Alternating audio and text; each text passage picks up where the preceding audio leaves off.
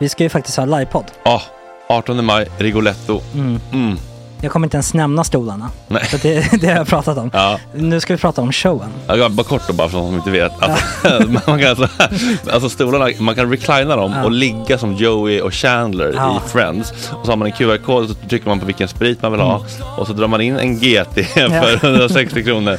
Och sen så kommer den till eh, ens Till plats. Ja, Ja. det, Det, det, finns så som, mycket benutrymme också att servitörer kommer kunna gå helt ostört. Vet du vad det är? Det är som business class. Ja, ja, verkligen. Och när vi då pratar om stolarna så kan jag också bara säga att man kan fälla upp eh, mitten, arm, armstödet, så får man en som- soffa. med sin partner. Ja, det man kan kommer bli ja, otroligt. Och Men vi skit kommer också i ha, stolarna. ja, vi kommer också ha typ två fotbollslag på scenen. Ja, det kommer Alltså. vara, alltså det är svårt att rabbla upp alla i huvudet nu för det är Startelvan. så många. Ja. Men alltså Mattssons massaker, tänk dig den live. Mm. Jo, Jonas Dahlqvists frågelåda. Mm. Ekis, Lady Damer. Vi har Fanny Svärd, Marve. Tora, Tjejnytt gör comeback. Det är, ja, det är på en nivå av mycket folk. Ja, det kommer bli, ehm, det kommer bli något helt annat, någonting man aldrig har sett på Nej. en scen tror jag. Vi kommer ha allt. Allt kommer finnas. Cirkus och Cirkus. Och det, det som är skönt med, med de där slutna rummen är också att man kan ju faktiskt ta upp saker som man ibland känner att det här kan man inte riktigt ha ute i etern. Nej. Men om Sanna Dollan har fått någon invit från någon gift känd man så kanske man kan lägga upp det på en bioduk. Ja, Alltså vi har tillgång Fotoförbud. till... Fotoförbud. Exakt, vi har faktiskt tillgång till bioduken. Mm. Alltså, gott snack upp på stora bioduken. Mm. Det är något nytt. Missa inte det här. Nej, det kommer bli otroligt kul. Biljetterna på filmstaden.se. Eh, ta med en god vän så tar vi Mm. med oss Johan Rabaeus. Exakt. och det kommer också vara, det, det är så mycket Förfest, det förfest i Ja. den här eh, Rigoletto-baren. Det kommer vara en hel dag. liksom. Det kommer vara en hel dag. Ja, och sen det är såklart alkohol, allting bara beställ in till platserna ni sitter på. Ni kommer liksom vara så bekväma, ni kommer ha kul. Är förfesten bara för Patreons eller? Ja, vi kan kika på det. Vi får kika på Ja, det. det kommer en hel dag i alla fall och så Det blir det någon slags efterfest också. Ja, gud ja. Mm. Vad är en Gott Snack eh, livepodd utan efterfest? Gud, det kommer bli så kul. Så länge sedan vi hade livepodd. Ja, det ska Längtar. bli skitkul. Ja, vi ses där hörni. Men, vart köper man biljetterna? Filmstaden.se. Ja, in och köp. Vi Sök på Gott Snack där bara. 18 maj. Puss, hej. Hej.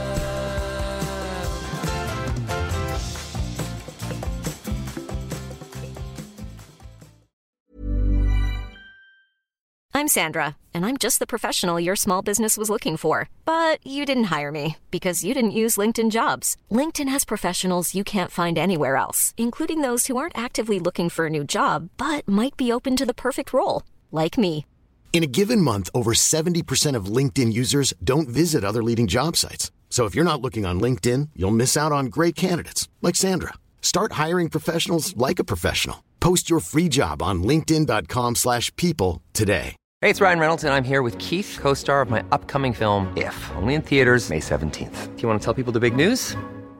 All right, I'll do it. Sign up now and you'll get unlimited for $15 a month and six months of Paramount Plus Essential Plan on us. Mintmobile.com slash switch. Upfront payment of $45 equivalent to $15 per month. Unlimited over 40 gigabytes per month. Face lower speeds. Videos at 480p. Active Mint customers by 531.24 get six months of Paramount Plus Essential Plan. Auto renews after six months. Offer ends May 31st, 2024. Separate Paramount Plus registration required. Terms and conditions apply if rated PG. There's never been a faster or easier way to start your weight loss journey than with PlushCare. PlushCare accepts most insurance plans and gives you online access to board-certified physicians who can prescribe FDA-approved weight loss medications like Wigovi and Zepbound for those who qualify. Take charge of your health and speak with a board-certified physician about a weight loss plan that's right for you. Get started today at plushcare.com slash weight loss. That's plushcare.com slash weight loss. plushcare.com slash weight loss.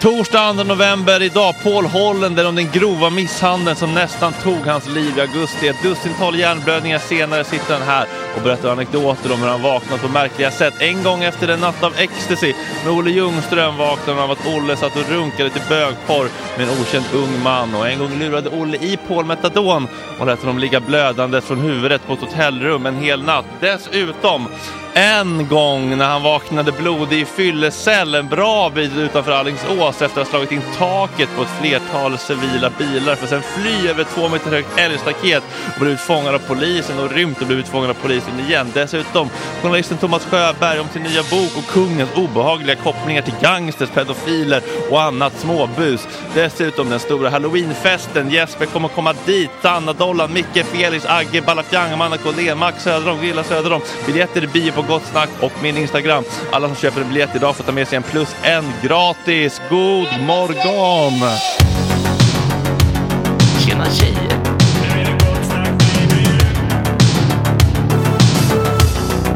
Superrunkaren Gregor.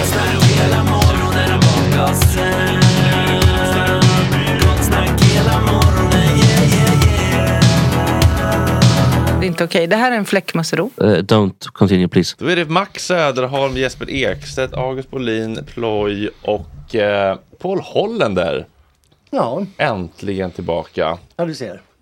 Du, Jag är nästan eh, lite- du, ja, missade, du missade Jespers livekväll igår på Globen Food Market. Ja, det gjorde jag nog. Hade du inte nåtts av informationen eller?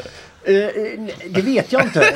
Borde, borde jag ha Nej, gjort det det? gör inte, för det var fler som missade. Ja, ja. det Var, du, var du ensam? Ja, i, i princip. Ja, så. Du sa också att du hade marknadsfört det här eventet i fyra månader.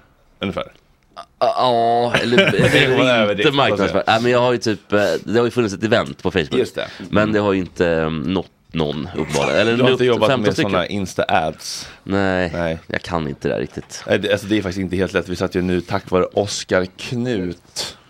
Vår kära, fina vår kära meta business consultant. Jaha, oj. eh, Som guidar oss igenom det där. Det är inte helt lätt om man inte har gjort det förut. Nej, alltså. jag och Paul, vi kan inte där. Så att vi, vi, det blir inget.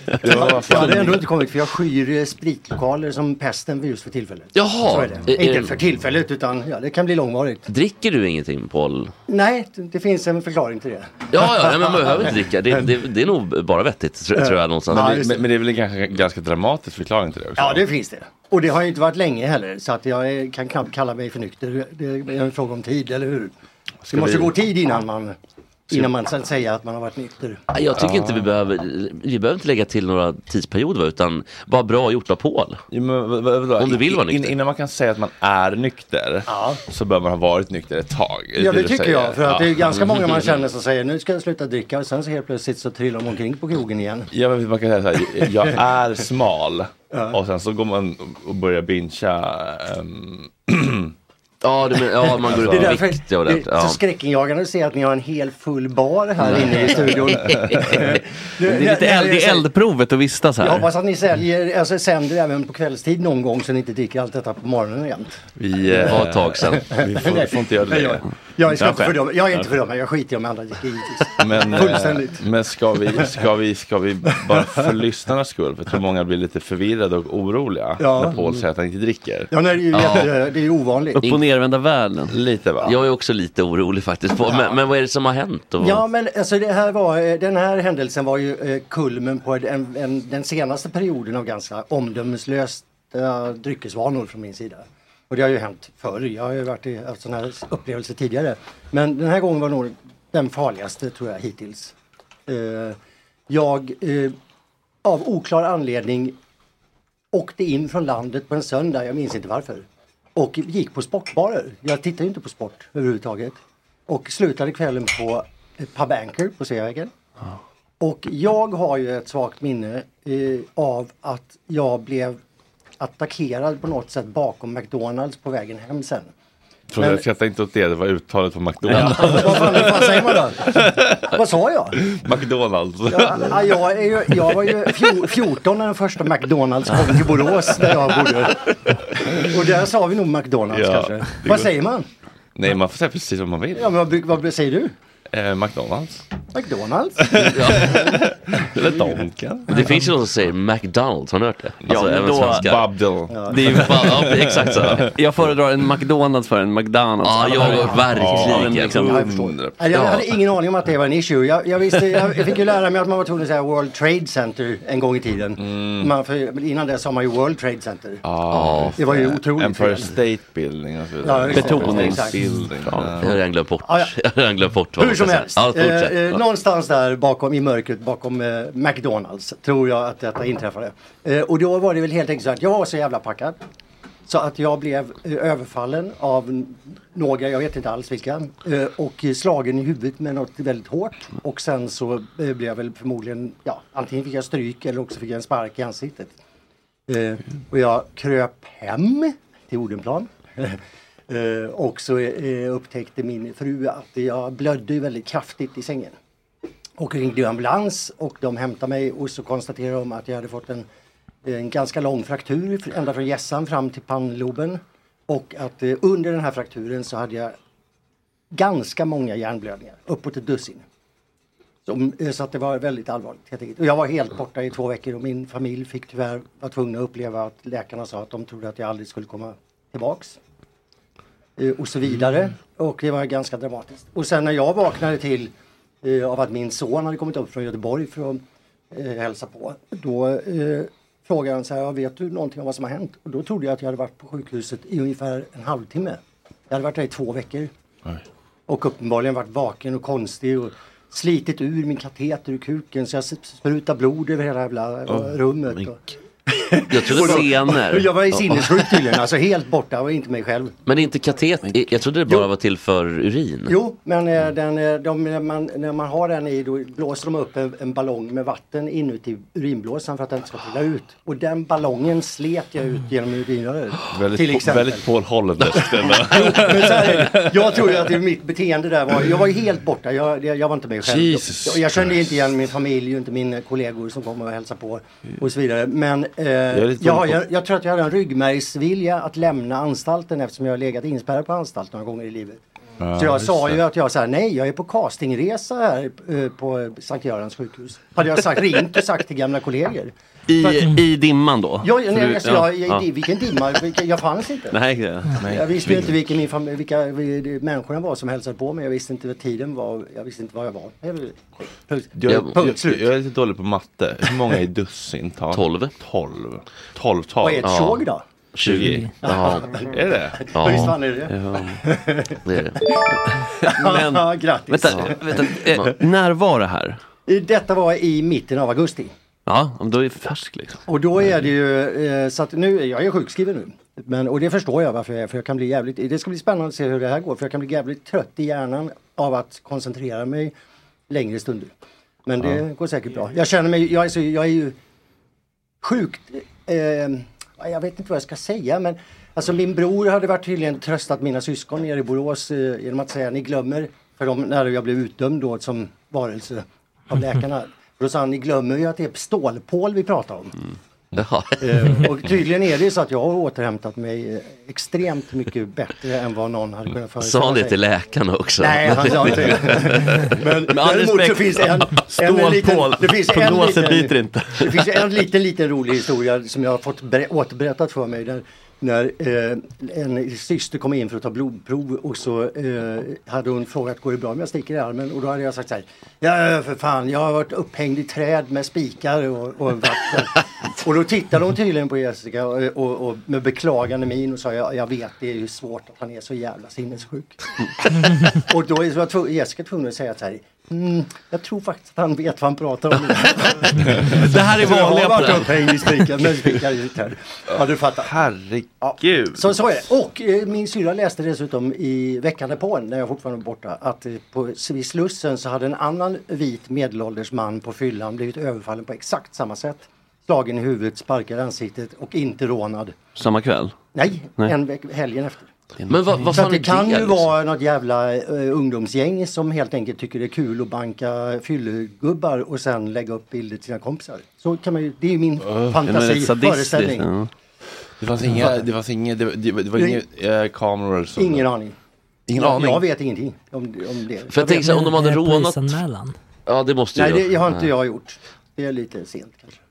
Men jag tänker om de rånar, alltså, för då Det- finns det ju ändå en, en, någon form av e- ekonomisk förklaring. Men att de bara går runt och slår ner folk, det är lite så här Clockwork Orange-aktigt exakt, nästan. exakt. Det är fan Ja, det är jävligt obehagligt. Alltså, Så här, rånar ju också ska, vi, ska vi försöka dra detta till någon slags eh, aktualitetsfråga så handlar det väl i sådana fall om det ökade våldet Ja, bland jo, ungdomar. Ja, Eh, så är det. fan vad, vad läskigt. Men jag började nästan grina när jag hörde det här, för att jag tyckte så synd om Jessica. Ja, jag vet. Det är fruktansvärt. Och min dotter, fy fan. Usch. Ja, dina barn. Mina barn, ja. Det måste vara fruktansvärt. Alltså, Ja, det är inte roligt. Så att, jo, då, då har jag nu på, påbörjat för en gång. Nu har poletten trillat ner. Då, alltså det är lättare att sluta med saker när poletten trillar ner. Mm. Och kan man inte gå ut och dricka två öl på en sportbar en söndagkväll utan att vakna eh, två veckor senare med massa hjärnblödningar, då är det ju något som inte funkar. Ja, mm. Liksom. Det låter så. Ja. Du fattar. Men vad, vad har konsekvenserna varit tidigare? Har, har det hänt något Ja, men, liknande ja, eller? Ja, men jag har ju, eh, brukar säga att jag aldrig varit i kontakt med svensk sjukvård utan att det varit självförvållat. Och så är det Okej. väl delvis. Eh, Okej. Men det har hänt genom hela mitt liv att jag har eh, hamnat i väldigt konstiga situationer. Jag, jag är ju aldrig aggressiv mot andra människor men däremot kan ju andra bli aggressiva mot mig. Mm. Eh, Men eh, ja. Ja, men den värsta innan dess det var ju när eh, Olle Ljungström, när han fortfarande levde, eh, när jag besökte, jag träffade honom faktiskt på Breaking News eh, eh, premiärkväll första Mhm. gången, 2011 kanske det var. Mhm. Och så eh, råkade Olle Ljungström vara där och vi kan, kunde dricka ihop. Det är en sak som är säker. tänka mig. Jag tror att ja, vi gjorde ganska mycket dåligheter ihop. Det känns också som sista så det är här. väldigt roligt. Får man prata i, i berätta roliga historier om, om en död avliden person? Ja, med kärlek, med all kärlek. Jo, det är väl med kärlek. Ja, det kan man väl säga då. Men en, en, en, en natt när jag vaknade i min lilla etta på eh, Brännkyrkogatan. Då hade vi tagit ecstasy hela natten. Åh, och, eh, trevligt. och sen så eh, vaknade jag av eh, att det var tomt fast han skulle ha varit där. Och så hade jag varit skur, jag var skuren i armen och jag hade en slags tatuering som såg ut som ett långt streck bara på handleden. Då visade det sig senare då att han hade själv suttit skurit i armarna och tryckt in cigarettaska i den. Och så tyckte han inte att jag skulle vara utan för han tyckte det var så fint. Så han gick och skar upp mig och tryckte in aska i mitt sår också. Omtänksam här. Vilken kompis. Sen som, somnade jag om, för jag var ju eh, förstås ganska illa däran. Och sen så vaknade jag av att eh, Olle Ljungström satt på min sängkant tillsammans med en kille och runkade till en bögporrfilm på min dator. Som jag hade. Ja, och då hade han, han hade gått till bolaget på mo- på morgonen, köpt sprit, hittat en snubbe och dratt med honom hem. Och satt och runkade i min liksom? Jag har en liten grej på G här. Pauls lilla kiffe här det, uppe. kan säga, det var en typisk eh, Olle Ljungström situation. Men- Väldigt typisk. Det här eh, målar en, en mycket mer eh, nyanserad bild av Olle Ljungström. Ja, ja. Ah, du menar att han eh, hade lite, eh, att han skulle vara lite queer menar du? Ja, men han var en större person än vad jag kanske visste. Ja, Eller? men han var väl bara en allätare? Han Ja. Ja.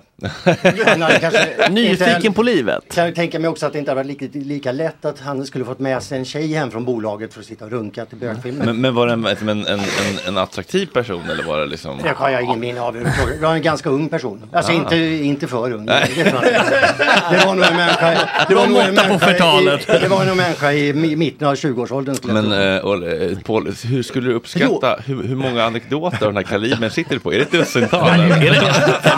Skojar du med mig? Bokserie, liksom. hundratals. Ja, men, eh, v- det skriver du på memoarer eller vad ska du göra Ja. av all den här skatten? Faktum är att jag eh, har ett ständigt pågående projekt eh, där jag skriver saker som jag påbörjade för många, många år sedan. Jag blev ombedd av ett förlag att göra, att skriva en självbiografi. Och det blev liksom inte något då, men eh, den ligger kvar och puttrar. Den heter, eh, arbetsnamnet är 100 sätt att vakna.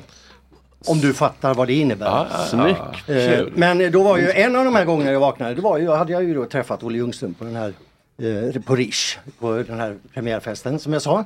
Och eh, eh, vi festade loss och sen så eh, gick vi hem till hans hotellrum på Rival. Och uppenbarligen så har han ganska omgående gett mig en fet grogg med, eh, hem, vad heter det? Vad heter det som heroinister tar? Krokodil. Metadon. eh, Metadon, ja, Jaha. exakt. Krokodil, Är vad snackar jag Och jag, och jag har ju aldrig varit i närheten av den typen av droger. Och eh, tydligen så lär jag fallit ihop. Jag slog upp huvudet, låg i en pöl av blod hela natten medan han satt och söp. Men, På morgonen gick han ut och gav intervjuer till sin nya bok då som kom ut. Och sen skulle hans redaktör från eh, Norstedts gå och hämta några papper i hans rum. Tog sig in eh, med hjälp av personal och hittade mig blå och livlös på golvet. Och ringde ambulans som då kom och återupplivade mig. Och sen vaknade jag typ tre dygn senare på SÖS med slangar överallt. De mådde så jävla dåligt. Alltså det var ju helt sinnessjukt. Så Av att, eh, det var ju typiskt sån att det var ju också min egen fylla som gjorde att jag utsatte mig för hans grogg utan att kunna, ja, men omdömeslöst. Det var ju lite taskigt att spetsa den. Så jävla taskigt. Jag trodde Olle bakom själva- baren, Jag- watch Jag trodde out. själva grejen med heroinister var att de tog hand om varandra. Ja. Lura i metadon, så det Ja, är så Du visste inte ens om det? Nej, jag hade ingen aning. Nej, det är inte Nej. riktigt. Nej. Jag börjar Jag har faktiskt fått- jag har revidera fått min lite- bild av Olle Ljungström. Förlåt, Måste jag säga. Fått lite perspektiv på min förkylning jag kom hit med. Ja, varsågod. Ja, men, eh, August, har du någon anekdot eller? Berätta någon kul anekdot. Jag vaknade klockan tre i natt. Kallsvettig. Ja, var det skräcken? Nattskräcken? Nej, det var någon sorts, eh, jag tror, jag vet inte, stress. Men på tal om att Jag vakna. själv. Ja, men Jag har lite grejer jag måste prata med er om. Som jag är lite orolig för. Är det hundra sätt att vakna-tema kanske? Nej, det, ja det, det är det faktiskt. För jag vaknade till häromnatten av att en liten, liten skvättning. Nej. Det lite. Nej, alltså bara jättelite. Pratar vi ejakulation nu eller? Nej, urin? nej det är urin. Ja, Vi jag pratar urin. Jag Var du packad? Nej, Nej. jag vaknade upp och så liksom, oh jävlar det och så, så kom det en liten, liten svett. Oj. Är jag redan där? Alltså, för- ska man, det är väl senare vad man ska dit? Ja, men Jag vet inte, jag pinkade på mig första gången ihop med en tjej när jag var typ 25. Med min, Men då var det min, fyllan min dåvarande konstprofessor på Valand.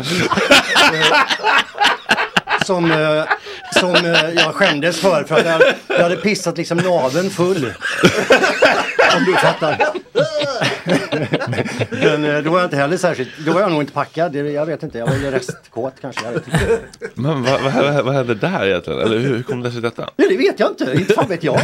Men, det mycket ta på allt. kan jag ju erkänna att, det är, att pinka på sig när man är riktigt packad det är ju ett problem som är gott nog för att låta bli att dricka. För det är Ja, men det hade ju Max också. Max, fick ju, Max blev ju Ja, ledd det- att sova i badkaret av mamma när det var över en viss gräns. Ja, visst. Åh fan, alltså ro- så förutseende. Ja, precis. Och också samma själv. Äh, Det blir badkar känner jag.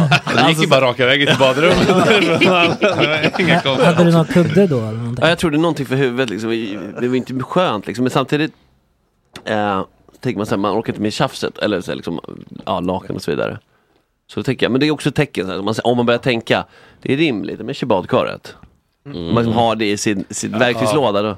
Precis, Det är en rimlig åtgärd. Ja. så, Ja, det, är det här blir en badkarskväll. Ja. Det blir O'Larrys och. Tom Ankers. Nej, hörru du Olle, nu kommer Olle här, det blir badkarskväll.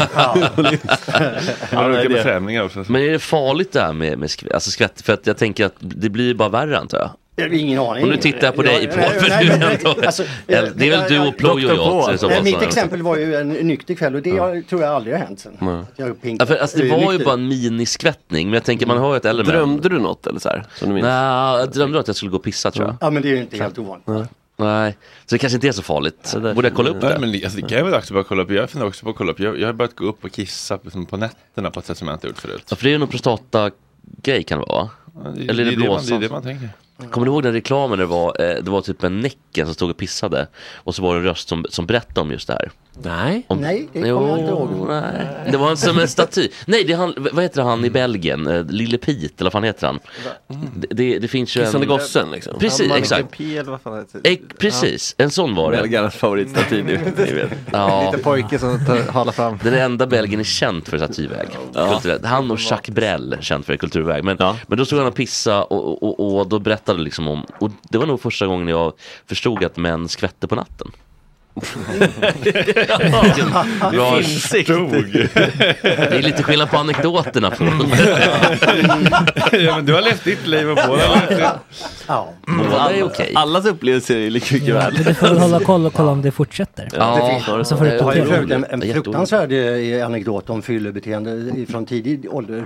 Det kan, inte, kan, kan jag ta det? Ja, Nej, det är preskriberat. Ja, Om det det, det, det har till och med förekommit, det har jag till och med berättat om i, en, i, en, i ett konstverk en gång. Ja, så det kan jag göra, men det är ändå, det, är, alltså det vi pratar om bara kulmen av anledningen till varför eh, det är jävligt dumt att dricka. Mm. men då var jag väl eh, 18, 19, jag hade gått i gymnasiet lite sent så jag hade låtit bli att dricka mina ung, yngre eh, klasskamrater.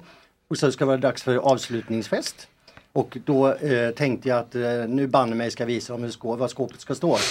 Så då köpte jag med mig ganska mycket starköl och så åkte vi ut en bra bit utanför Borås. Och, Bra. ja, och så skulle vi då ha liksom någon slags jävla eh, eh, vårfest där. Eh, jag tror att klockan sju så försvann jag från festen. 19. Och 19.00. Mm. Eh, och eh, klockan 12 så kom det en liten bilkaravan med 50-klassare som hade varit på eh, sportresa. Körandes längs en landsväg eh, några mil utanför Borås. Och på vägen framför sig så ser de en skadeskjuten älg typ. Eh, när de stannar bilarna så visar det sig att den älgen var en mansperson i 19-årsåldern. Som då rusar mot de här bilarna och hoppar upp på taket och bankar in taket. På King den Kong. första bilen. Alltså lite som den jävla skräckhistorien som folk drog med, med en huvud att det bankar på taket ja. och så sitter en gubbe med ett huvud i handen och bankar. Kommer ni ihåg den? Ja, Ja, ja, ja, ja, ja. och sen så hoppar jag på nästa bil, bankar in det taket. Och sen så kommer polisen och de jag mig ifrån. Jag hoppar över ett älgstängsel som är över två meter långt. faller, faller på en stor sten eh, och rusar ut i skogen. Poliserna klipper upp nätet, fångar in mig, stoppar in mig i polisbilen. Jag sliter mig igen, hoppar över samma nät en gång till och slår mig ännu mer. Så när jag vaknar då dagen efter, då ligger jag handklovad i en fyllecell. Det är fullt av blod i hela cellen. Jag har ingen som helst aning om varför. Så här, har, har jag mördat folk eller vad fan är det frågan Ja, om? gud vad obehagligt. Ja, du fattar. Jag, jag visste inte att det var mitt blod. Men jag tycker det här verkar vara lite ett mönster jo tack. jo tack, du anar inte. Så Jag att, tror att det är eh, bra nej, att du har slutat dricka. Ja men exakt, ja, men, så Men man är säga. det en liten paus nu i alla fall? Ja, mitt mål nu är i alla fall att jag ska vara helt nykter i minst två år så att jag får uppleva min nyktra personlighet igen. Ja. Och när var du senast nykter under så lång tid? Eh, Det var väl efter att jag avled med Olle Ljungström där. Och då var det också en då, då var jag nykter i ett och ett halvt, kanske två Ja. år. Men sen, eh, och så innan dess var det när min son föddes, då var jag nykter i fem år. Fem år? Ja, jag var 20 till 25. Ah, Okej, för hans skull då eller? Ja, jag var ju alkoholist. jag, jag började ju dricka när jag var åtta. Åtta? Va? Ungefär, give or take. Det var då vi började köpa uh, Explorer vodka av uh, alkisarna i parken eh, hemma i Borås. Alltså alkisen hade ingen moral, ingen moralkompass. De, de fick ju köpa en flaska till sig också Ja. och pengarna var ju inte mina som ni förstår. Åtta är lite tidigt Paul. Ja, det var lite tidigt. Alltså vem som Jag helst tror jag annars. slutade, väntade med att börja röka tills jag var tio. Det är såhär, det är såhär favela-beteende. Alltså, Det låter ju... Favela. Ni vet han som är så här, grek, jag har varit i grekiska föreningen va, alltså han, det är han som har en hjärnskada. Det låter precis som att Paul är, är den personen just nu, fast det verkar ju vara sant. Ja, det- Jessica kan ju ändå, Jessica kan ju Men det är ju ingen bra historia. Egentligen är ju inget av detta bra historia. Framförallt inte den sista. Det är kol. Senaste. Nej men det är, ju, det, är ju, det, är ju, det är ju starka berättelser som säger någonting om ditt liv och Ja. din bakgrund och vad du varit med om och hur det blev som det blev. Ja.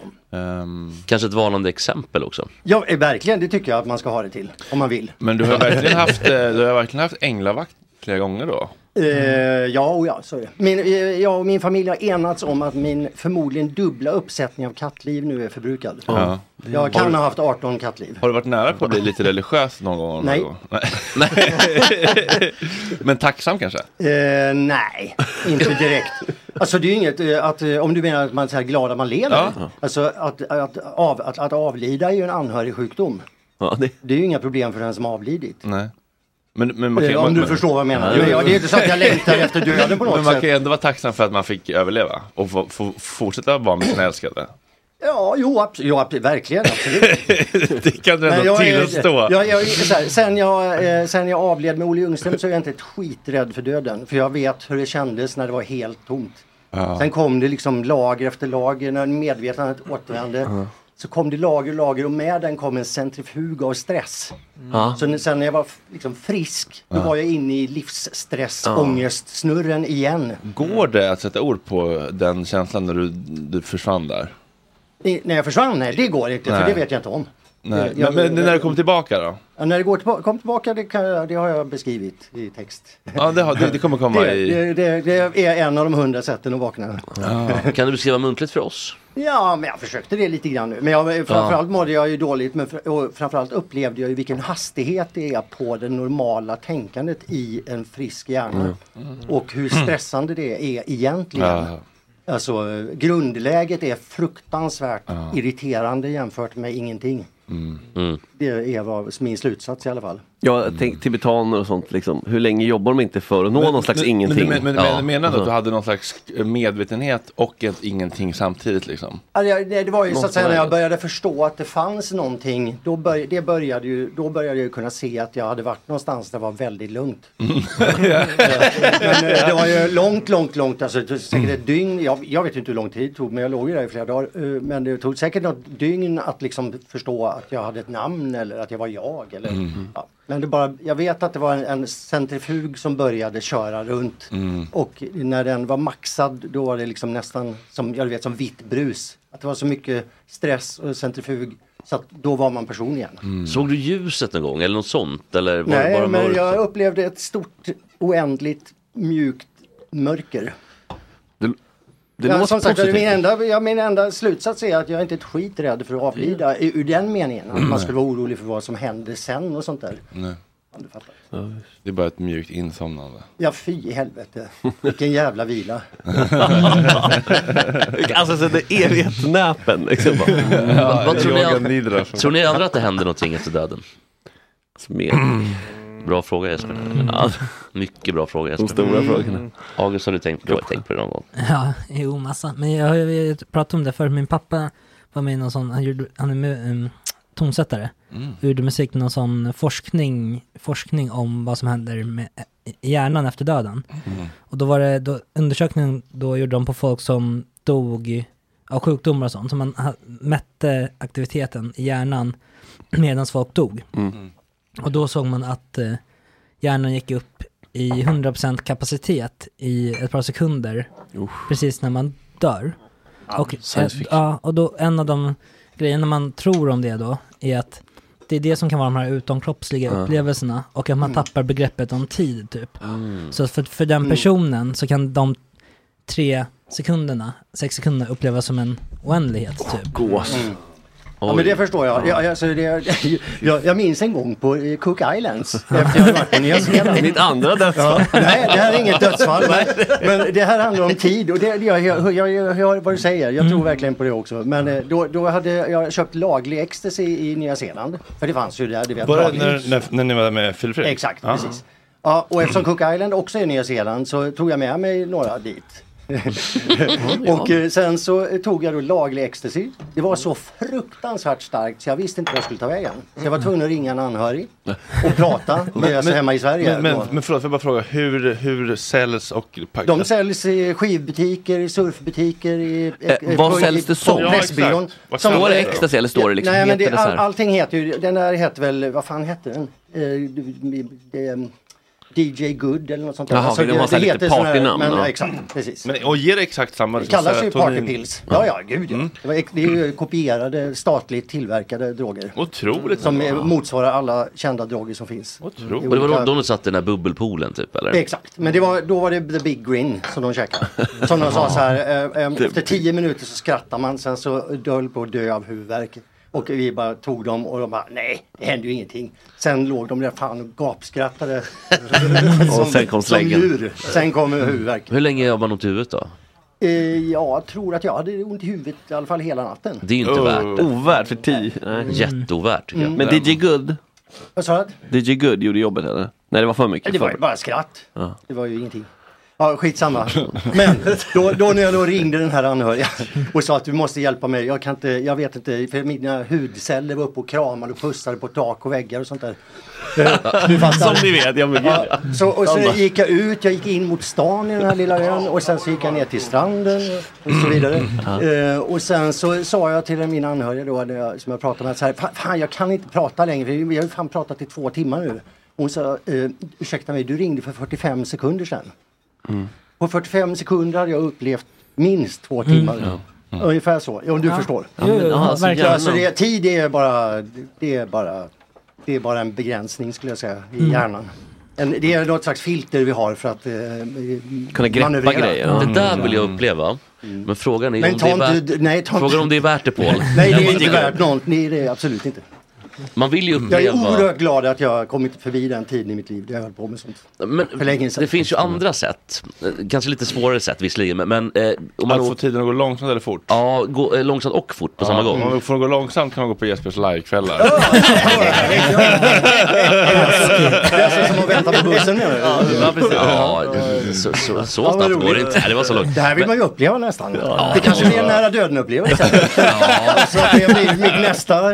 Hundra sätt att dö på tio mina på Eh, sen, vi, när man åker i rymden, Ja. eh, det finns så här, typ svarta hål och olika typer av, eh, och man- det var, det var ett, en amerikansk rymdfärja som hade var, åkt igenom typ ett svart hål eller någon form av, något meteoritregn eller vad fan det heter. Eh, en halvtimme bara, så kom de tillbaka till jorden, då hade de varit borta i fyra år. Alltså Ja, de det. upplevde det som en halvtimme, men de var borta i fyra år. Och det låter ju, nu kommer jag på, det det här låter hänt? lite Eller är det knepigare. Interstellar? Interstellar. eller? Är det, inte, ja. det låter som att det är Interstellar har sett. Nej, det här läste jag boken Förbluffande fakta. Ja, för, Ja, men det, det- för det nej, är Einsteins relativitetsteori du pratar om. Ja. Det är ju det. Ja, just det, precis. det är den. Och de hade så upplevt den teorin så att, eh, i, i praktiken. Jaha. Så det var väldigt spännande. Och Ja, det låter lite, lite knepigt om man måste åka ut i rymden bara för att uppleva Det det. är lätt att åka till Nya Zeeland ändå trots allt. Ja, Men då är det en tidsmaskin liksom. Du kan ju spela in din egen livesändning och titta på den. Nej. I ett svart hål i ett svart hål. finns. Om du gör det i rymden i ett svart hål så kommer livekvällen som kanske är, den är oändlig men det känns ännu längre. Förlåt, jag är säker, jag får förmodligen inte skämta om det. Men Jo, det, vi känner ju inte varandra på samma sätt som Alltså det var, det var väldigt, tre, det var väldigt trevligt och Ja, okej. väldigt kul faktiskt. Måste jag Ja, säga. alltså, Eller, inte faktiskt, men jo ändå lite faktiskt. Ja, Men nu hur gick brukar inte, nej men det gick bra. Nu brukar inte jag skämta om andra Paul. Så. Nej. Nej, jag skojar bara.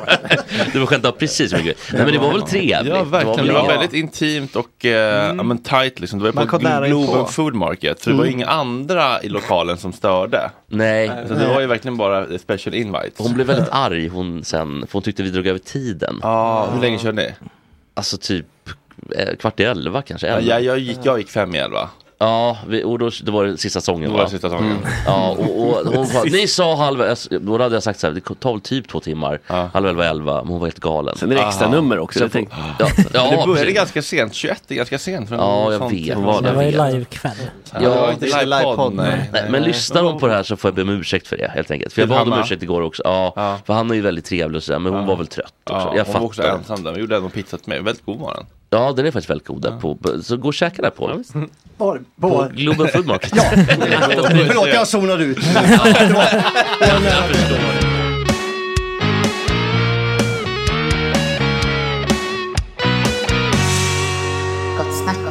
Thomas Sjöberg, du har skrivit den här boken som heter Chefen, berättelsen om en skandal. Precis. Hur många böcker om kungen eh, behöver vi? Ja, men det, ja, det, det, det finns för få kan jag väl säga. Det är för många som Egentligen, det har inte publicerats många böcker om, om just kungen faktiskt. Det här är väl, den här handlar nu inte om kungen. Nej. Även om den heter Chefen så handlar den om allt det som hände före, under och efter att min, alltså vår bok om kungen för 13 år sedan publicerades. Det. Så det här är min berättelse om allting som hände. Och vad kan vi säga? Det handlar om försöken att stoppa boken. Eh, smutskastningskampanjer, hot mot oss journalister. Från hovet då typ? Nej, nej, nej, nej, nej, nej, de behöver inte göra någonting. Det är kungens eh, mindre omdömesgilla polare som står för eh, Jaha, och är det De typ, här- vad heter han, Lättström och Anders sådana Lettström figurer? är huvud, frontfiguren i det gänget. Är de fortfarande polare, kungen och Lättström, under radarn? Ingen aning. Säkerligen under radarn i så fall, men det är ingenting jag känner För kungen till. har ju tagit Är avstånd från Lettström Lättström. eh, någon smågangster eller? Nej, Lättström är med i kungens närmsta krets. Han, han är alltså kungens närmsta och äldsta och bäste vän. Var alla fram till- tills eh, kungaboken publiceras. Han är ju affärsman va. Han äger en stor kungsgård i, Uppland som heter Sköldnora och har varit styrelseordförande bland annat i Two Entertainment Group som äger Oscarsteatern och lite andra sådana etablissemang. Anders Lettström. Ja, alltid lite lätt solbränd, eh, sommaren gärna rosa byxor, eller vad heter det, ljusröda byxor och alltid med ett glas eh, ros, eh, rosévin i nypan. Gärna, i sand, det. gärna i Sandhamn. Ja, alltså. Men han är väl... vara så boken, bara så, eh, Den motvillige monarken om man minns. Ja precis, det. den blev ju en, eh, det var lite uppståndelse kring den. Ja. Var det då han ville vända blad så gärna? Ja, just Ja, det var det då, eller var det Ja, inte? nej, nej, nej, det var då. Jag sitter då. och läser böcker hela dagarna som ni håller på med så nu tänkte jag att vi, vi kan vända blad och så går vi vidare. Ja, exakt så. Undrar om det tog ungefär lika lång tid för kungen och läsa ut den här boken som tar för andel till en par och läsa ut en Buster-tidning. Typ så. Alltså en fotbollsspelare överlag, typ. fyra år. Ja, det tar. Oj, oj. Bullen och Super Mac, en sida två kanske. Men det är lättare ibland sitter utåt för läderhuden. Alltså man får läderhud av eh, solbrännan helt enkelt. Är inte hon Birgitta också väldigt eh, handväska Jo, hud? precis. Och ehm, han, eh, vad fan heter han nu då, som Sass-Janne. Gamla Mm, vdn ja. på SAS. Han har ju väldigt lädrig hud. Liksom. Men den, lite samma typ, så här, vet, Ja. näringslivstoppar som glider runt liksom. Tjena hej, du vet. Väldigt rik hy. Ja. Men de känns ju lite, eller, de känns ju lite puckare, alltså på ett sätt, för att de är så verklighetsfrånvända. Men de är också väldigt smarta säkert, så så att det, det är svårt, jag tror vi skulle ha svårt att prata med en, en sån näringslivstopp. eller, liksom med... Ja, men det är inte så svårt. Jag har ju gjort det i kapacitet av journalist under 40 års tid. Ja, du har lite lättare kanske. Ja, det går ju. Det går ju. Och De är förvånansvärt trevliga och öppna, men, men då, det, det finns en jargong, en tonalitet i det här gänget som, som är gemensam för dem kan man väl säga. Det, fin, det, finns en är av aristokrati, det finns en är av eh, onårbarhet, untouchable skulle jag vilja säga, och det gäller i synnerhet kungagänget. Att de är alltså vana att kunna göra lite precis som de vill utan att bli ifrågasatta. Och när de då blir det så tappar de lite grann koncepten. De, de är ju fortfarande samlade, de har en oerhörd social och ekonomisk makt och de har resurserna ställa till problem för journalister, vilket de också har gjort verkligen. Men som sagt, de är inte så smarta därför att i det här fallet så fastnade ju allting på band. Ja, det, det var ju Rookie mistake. ändå. Ja, vi kanske bara repetera då att Anders Lettström, kungens närmaste vän, inledde förhandlingar med den undre världen då hösten 2010 när vår bok hade kommit ut om kungen. I syfte att ett, få Mille Markovic, vår, en av våra öppna källor, att ta tillbaka allt han har sagt i boken. Två, och köpa loss eventuellt bildmaterial som han påstod sig ha. Och då inleder alltså Anders Lettström förhandlingar med Daniel Webb som är Milan Sevos högra hand. Milan Sevo var året innan misstänkt och jag tror han var även den här tiden misstänkt för inblandning i helikopterrånet mot Västberga, eh, värdedepån i Västberga. Så det är Lettström och Webb som, som förhandlar. Och mellanhanden där, go-between guy, det är alltså en kille som går under öknamnet Porrlasse. Jag vet inte om du känner till honom. Han bodde i Gamla stan. Var det han som hade värsta våningen i Gamla stan och grejer? Exakt, Ja. Ankargränd 2. Ja, Ja, men det, var ett sånt här townhouse i fyra våningsplan. Det ser ut som ett gammalt romerskt senatorspalats med uppstoppade vilddjur och vinkällare och spa. Och, och, och, liksom. och där hade han ju eh, fester som var ganska spektakulära. Han hade en inspelningsutrustning bakom eh, eh, spegeln i sovrummet. Han filmade de excesser som pågick där. Eh, den killen är den som, ta, som för, ihop Anders Lettström med Milan Sevo och Daniel Webb. Så det är de som hörs på inspelningen är då första inspelningen som För Webb har ju med sig alltså en inspelningsutrustning till de här mötena som Anders Lettström då inte vet om från början. Så att allt som sägs under de här fem, sex mötena finns det dokumenterat och jag har tillgång till alla, alla samtalen. Och det är det, det som den här boken handlar om. Har du eh, inspelningarna på typ mobilen? Eh, jag har tillgång till de inspelningar som Daniel Webb gjorde med, eh, under, med förhandlingarna med kungar. Men du har det inte på röstmemo utan du kanske, du har det Nej, nej, jag kan inte liksom, säga exakt hårddisk hur jag har det, men jag har haft tillgång till den. Vi gjorde en podd i våras som hette Den eh, dokumentären som försvann. Då använde vi delar av det här ljudmaterialet för att visa hur, hur, det, hur det låter när kungens Mm. vänner försöker förhandla med den undre världen. Jag tror det du vill fråga om vi kan spela upp lite. Ja det är det. Jag försökte lite förklätt fråga om det går att spela upp men det kanske inte gör. Men jag Från tänker, podden. va- var det liksom kling och klang förhandlingar eller hur lät Nej men Lettström? alltså det, man tas ju med, det är som att tas med till ett eh, kammarspel. Alltså det är lite intimt, det är bara de två och en bandspelare då som sitter i Webbs innerficka eller i hans väska. Eh, och där utspelar sig hela konspirationen mot oss journalister och eh, hur man ska få Mille att gå med på de här. Hur mycket ska han ha för att släppa ifrån sig materialet? Hur mycket ska han ha för att dementera Mille Markovic. Mille Markovic ja. Vem- vem- Serbisk- vem var det nu igen? Han kom från Serbien från början, kom hit i början på 80-talet och inledde en karriär som proffsboxare. Men insåg eh, med tiden att det var nog mer lönsamt att, att ge sig in i strippklubbsbranschen. Så han gifte sig med Lotta Moss som då var så att säga, Stockholms okrönta strippklubbsdrottning. Eh, hon lärde upp honom hur man driver en strippklubb. Eh, det var så han kom in i den branschen kan man säga. Men han är alltså då har drivit en svartklubb som hette då på den tiden Club Power där kungagänget var gäster. Och eh, där han såg till att ta dit strippor för att underhålla kungen och hans vänner. Eh, och Christer Gustafsson då som är den så kallade Björn Borg-vännen och kungavännen. Han tog dit eh, vanliga festsugna unga kvinnor som skulle underhålla det här gänget. Alltså, han drev den här svartklubben alltså, Mille Markovic Club Mm. Power. Och det är så att säga i den egenskapen som han blev en av våra källor. Var det kaffeflickorna det? De här unga festerna? Ja, precis. De togs ju dit också av Christer Gustafsson. Men de deltog ju också så på andra sammanhang, fester i Östermalmsvåningar i Sandhamn och i jaktstugor och, och segelbåtar och allt möjligt. Men är det några re- rejäla lagbrott här? eller Är vi mycket i gråzoner? Nej, några lagbrott tror jag inte vi kan prata om. Men det, vad ska jag säga, det här är väl light-versionen av eh, Jeffrey Epstein och Ghislaine Maxwell. Där eh, Christer Gustafsson då, eh, gamle Björn Borg-vännen som han brukar kallas, är den som förser kungagänget med unga villiga eh, kvinnor. I den betydelsen så är det ju inte lagbrott men det är ju en ja, jag, vet inte, jag, jag ska inte moralisera, ni får väl själva dra Hur, slutsatsen. hur unga är de här tjejerna? Ja, de var väl i 20-årsåldern. Alltså det är inte övergrepp så, vi Nej. pratar inte om Nej. det. Men vi pratar om en närmast industriell leverans av unga kvinnor till kungagänget. Och det, Mm. det, så var det. Jag tänker inte värdera det på något sätt så här. Men, men eh, Ja, senast var ju Rammstein-sångaren Thiele Lindemann Du köpte, va? du köpte inte kläder, du köpte kvinnas tjänster, så gick du och köpte en Rolex och var jättenöjd med det. Som Alexander Bard brukar säga.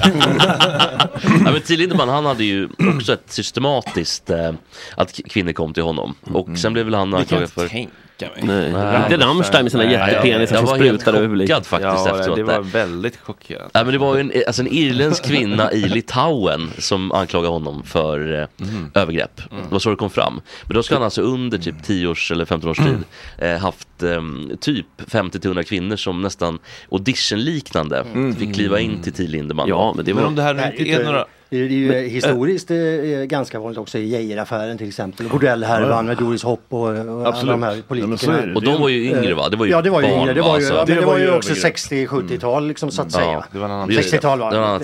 Typ. Så Men om, det- men om det nu inte är några lagbrott, varför, varför ska vi rota i det här och hänga ut de här människorna? Uh, vilka hänger vi ut med nu? Eller jag vet inte. Kungens vänner? Ja, eller kungen. Nej men det, det här, vi skrev en biografi över kungen Mm. för 13 år sedan. I en biografi så, så ingår det att man rotar i det förgångna. Det är så att säga själva biografins ex väsen, att man tittar bakåt i tiden. Eh, och när man upptäcker att det finns en koppling mellan kungen och den undre världen i form av Mille Markovic, då skulle vi begå tjänstefel om vi inte skrev det såklart. Eh, och sen så träffade vi säkert upp mot 15-20 personer. Eh, och dessa är säkert 15 kvinnor som var och en för sig bekräftar att de har varit inbjudna till de här festerna och också haft sex med, med kungen och hans polare. Precis, och jag tänker... Och varför ska man inte skriva om det? Var, eh, eller varför ska man skriva om det? Jag bara säger, varför ska man inte skriva om det? Det här var ju en officiell hemlighet som alla, blir- alla hade känt till i alla Han år. ledsen. Han kanske Och efter, och, efter- ja, nej, men det handlar, han, han är ju rikets främste Exakt, företrädare. det det, är- handlar om landets främste makthavare. Jag måste faktiskt- fråga dig en sak som jag funderar på när jag hörde att du skulle hit. Ja. Blev det jobbigt eh, sen eh, när han, Mille Markovic presenterade den här jävligt uselt Ja. photoshoppade Ja. bilden? Ja, det blev jobbigt. Som var ju så jävla dålig så Ja. man behövde ju bara kasta ett getöga på den så Ja. såg man hur dåligt photoshoppad var. Hur, Ja, vad hände då? det- För det- det måste men ju kontext- nej, Kontext oss här. som inte vet vad vi pratar om. Det här, ja men så här är det. det. Eftersom Mille Markovic påstod sig ha komprometterande bilder på kungen och hans vänner som han då ämnade publicera. Så blev ju kungavännerna, de fick ju panik så att de började inleda förhandlingar då med den undre världen för att den undre världen skulle snacka med Mille Markovic. En gangster snackar bra med en annan gangster. Eh, kungavännerna hade väl ingen direkt erfarenhet av att eh, kommunicera med gangsters på det Lätt. sättet. glider in där med lite, får man bjuda på lite rosé? Hänger i Södertälje typ, vad händer bror?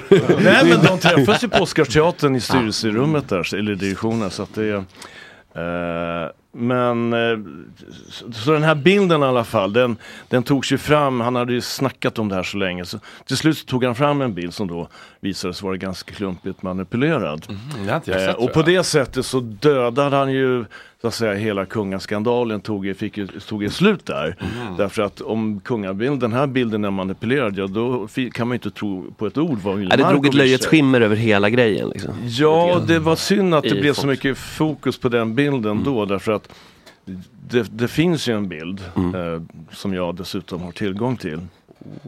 som är tagen vid samma tillfälle som visar dessutom en, en, ytterligare en person på den här Mhm. bilden som är, som är identifierbar eh, som med Leif GW Persson har identifierats som en väldigt känd sportstjärna.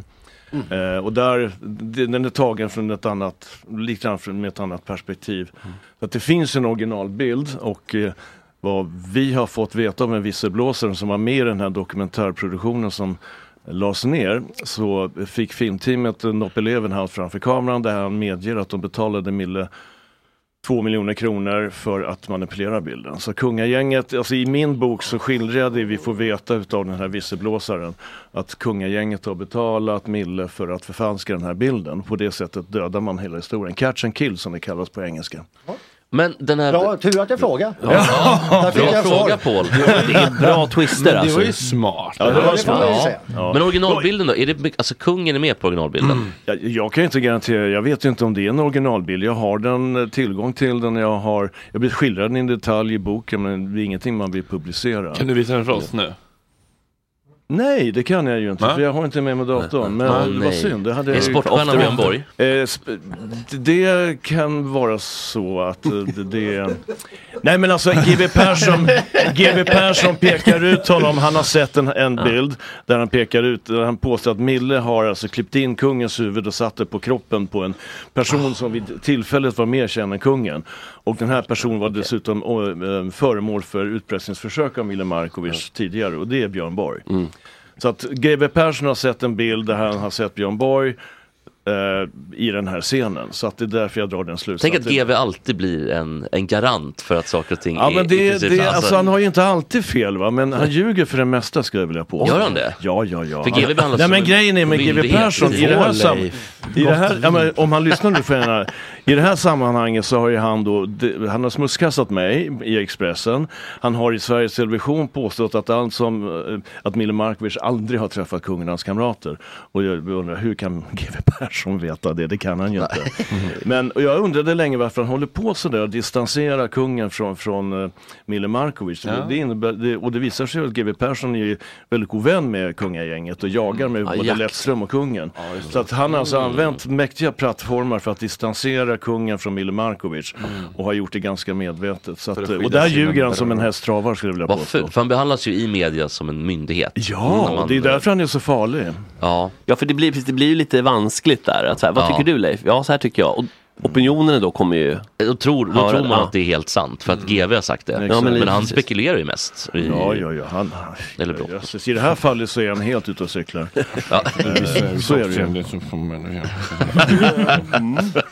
Men ja, vad kul ändå, eller vad mycket du kan om det här. Det är ju spännande. Ja, jag, har ägnat, jag har ägnat en sjättedel eller en femtedel av mitt liv åt den här historien. Känns det, okej, den, Ja. all den tiden och jobbet. Känns det värt det? Alltså, Absolut. ja. Det sitter ju här nu, det är ja. skitkul.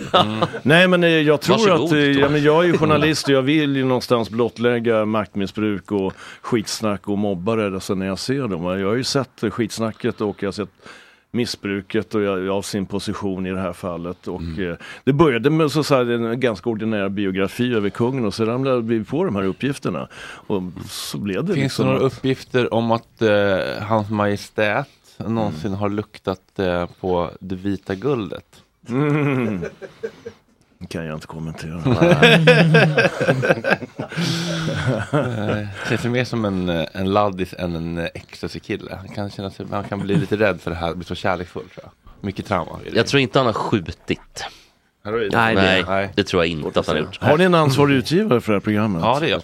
Det är bra. Det är han som Då, får ta då, det. då kan jag svara ja på den frågan. Skönt. Tydlighet. Ja, härligt. Eh, Vilken drog skulle man vilja att kungen hade provat? men jag vill ju se att han och Silvia tar en MD-kväll och ligger och kramas liksom. Det känns, de har inte kramats sen Madeleine kom Tycker det är i lite synd om Silvia i allt det här faktiskt. Har hon fått knulla runt då? Ja. Titta inte på mig. Jag har ingen aning. Hoppas det. Det känns, äh, tror, att, tror du Silvia har knullat med någon av kungens vänner? Lettström. Nej, men Lettström ska du verkligen... Kan vi ta, dricka lite rosé först? Jag har inte den blekaste aning. Jag har faktiskt ingen uppfattning. Men jag tänker alltså, det känns, känslan är väl att det är som med typ idrottsstjärnor och sånt att familj och liknande, man vet men don't rock the boat liksom. Ja. Alltså Ja. att det är så här. Det, tror, det är väl så människor är liksom. Jag, jag tror att det finns en ganska gedigen överenskommelse Ja. i det här fallet. Att annars skulle det inte hållit så här länge. Nej. Jag kan inte tänka mig det. Men det måste knullas- finns en överenskommelse. Men knullas det mellan sen, sen att hon inte är så happy när, när, när, när vi, allt här avslöjas i en bok. Ja, Eh, det är det som dittills har varit tolera, tolererbart. Mm. Eh, kanske plötsligt blev jävligt jobbigt och, och besvärande när det kommer ut på det här sättet. Men har hon hört av sig till dig? Aldrig. Har hon, har, Hovet, nej, hon, nej. hon gör väldigt undantagsvis. Hon hörde av sig till Jan Scherman på TV4 en gång. Eh, I samband med att eh, TV4 grävde hennes pappas eh, eh, smutsiga byk under kriget. Okej. Eh, men det tror jag är nog enda gången hon har skrivit, hört av sig så personligen till någon. Hon, Tarras då? Tarras hört av sig? ingen har hört av sig från fan. hovet. Ingen har hört av sig från hovet, till mig i alla fall. Och inte till förlaget heller mig veterligen. Men har du fått De- något uh, hästhuvud i sängen eller något? Nej, men det hade ju varit ganska enastående tycker jag om jag hade fått någonting sånt. Ja. Jag hade jag gärna tagit emot faktiskt. Filmiskt Ja, och storslaget. Ja, men för, att, för, för att de här, eh, de här eh, um, tjuvarna eller liksom, de här, det här, de här liksom, småbuset Mm. känns ju väldigt ofarliga om man jämför med liksom, dagens eh, AK47-killar, jord, jordgubben och räven. Liksom. Ja, alltså, det här är ju myskillar. Vilka då? Milan Sevon? Ja, men Ja, typ. men jag kan säga... Alltså, Lite gamla skolan. det, är liksom. gamla, det, det finns tjuvheder, det, kanske- finns en, lite en moral. kanske. Den där tjuvheden som Jens Lapidus eh, saknade i dagens gängkrig. Ja. Ja. Nej men att det, så. de tänker business också. Ja, Att så här, man vill hålla goda alltså, relationer ja. för att få, man, ska inte bara, liksom, man kan inte bara eliminera folk, man måste knacka med dem och förhandla. Nej men det där, det där kan ju framstå som ganska beskedligt men jag lovar er, det döljs ganska mörka krafter i de här kretsarna också. Jo, jag tänker det. Och jag skulle vilja säga Vet du vem som dödade Mille Markovic för övrigt? Eh, nej, men jag håller på och gräver i det. För visst är det olöst det mordet? Det ligger på Kalla fall-gruppen i Stockholm. Ja, du ser. Vem tror att det är Men då? eh, det var inte han som dog på Solvalla va? Nej. Nej, det är ju också. Nej, det var också- Dragan Joksovic som blev skjuten 98. Mille blev skjuten fyra gånger i huvudet eh, 2014. Utanför sitt hem. Utanför sitt hem i Bromma. Vem tror att det är då? Mom deserves the best, and there's no better place to shop for Mother's Day than Whole Foods Market. They're your destination for unbeatable savings, from premium gifts to show-stopping flowers and irresistible desserts. Start by saving 33% with Prime on all body care and candles. Then get a 15-stem bunch of tulips for just $9.99 each with Prime. Round out Mom's menu with festive rosé, irresistible berry chantilly cake, and more special treats. Come celebrate Mother's Day at Whole Foods Market. Hiring for your small business? If you're not looking for professionals on LinkedIn, you're looking in the wrong place. That's like looking for your car keys in a fish tank. LinkedIn helps you hire professionals you can't find anywhere else, even those who aren't actively searching for a new job but might be open to the perfect role. In a given month, over 70% of LinkedIn users don't even visit other leading job sites. So start looking in the right place. With LinkedIn, you can hire professionals like a professional. Post your free job on linkedin.com/people slash people today. Burrow is a furniture company known for timeless design and thoughtful construction and free shipping, and that extends to their outdoor collection.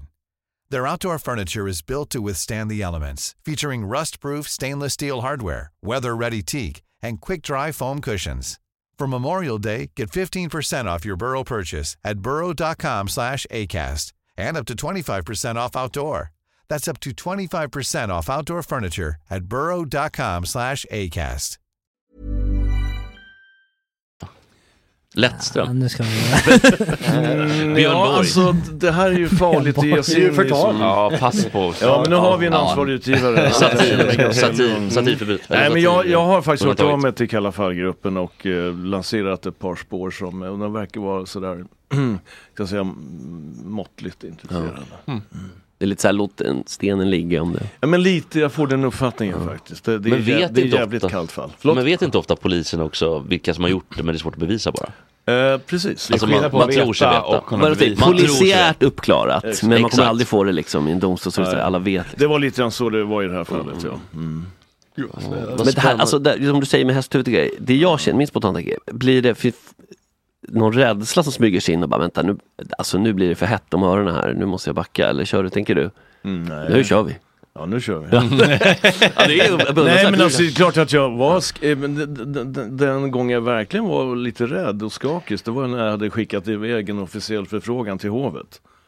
Eh, och det, det var ju inte så farligt, det gör man ju ganska ofta till, som journalist och skickar iväg uh, intervjuförfrågningar. Men just i det här fallet så visste jag att nu är det officiellt, nu kan man liksom inte, no return liksom. Jag kan Mm. inte backa på det här nu. För nu, nu, nu har min, eller vår bok om kungen blivit ett officiellt ärende hos Mm. hovet. Och då var jag ganska skakig faktiskt. Men har du respekt i eh, kungakretsar?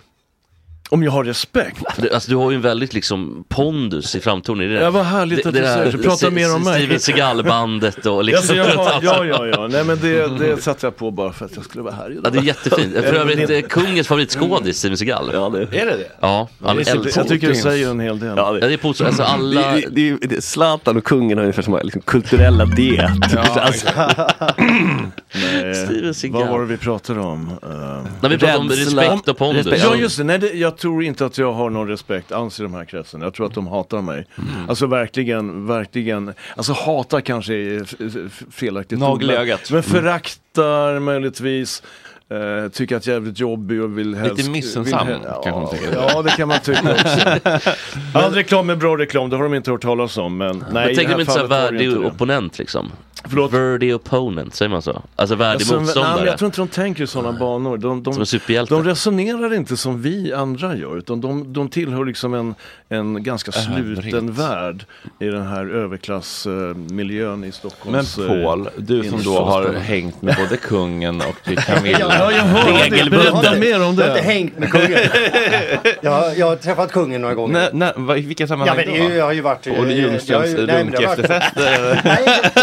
det har det ju inte varit. Tänk om kungen var han som satt och runkade med lunchen, det hade ju varit, det hade kul eh, alltså. Nej, eh, så är det ju inte alls. Utan det har varit i officiella sammanhang förstås bara. Mm. Jag har varit eh, på Polarpriset och på, och så på, eh, i, när jag var och skulle filma en grej om någon slags välgörenhetssak så eh, eh, hade jag klätt upp mig för att gå till slottet där vi skulle prata med kungen i ärendet. Och sen så eh, såg jag att min fotograf inte hade klätt upp sig. Då ville inte jag vara dummare så jag klädde ner mig till blå jeans och, och t-shirt.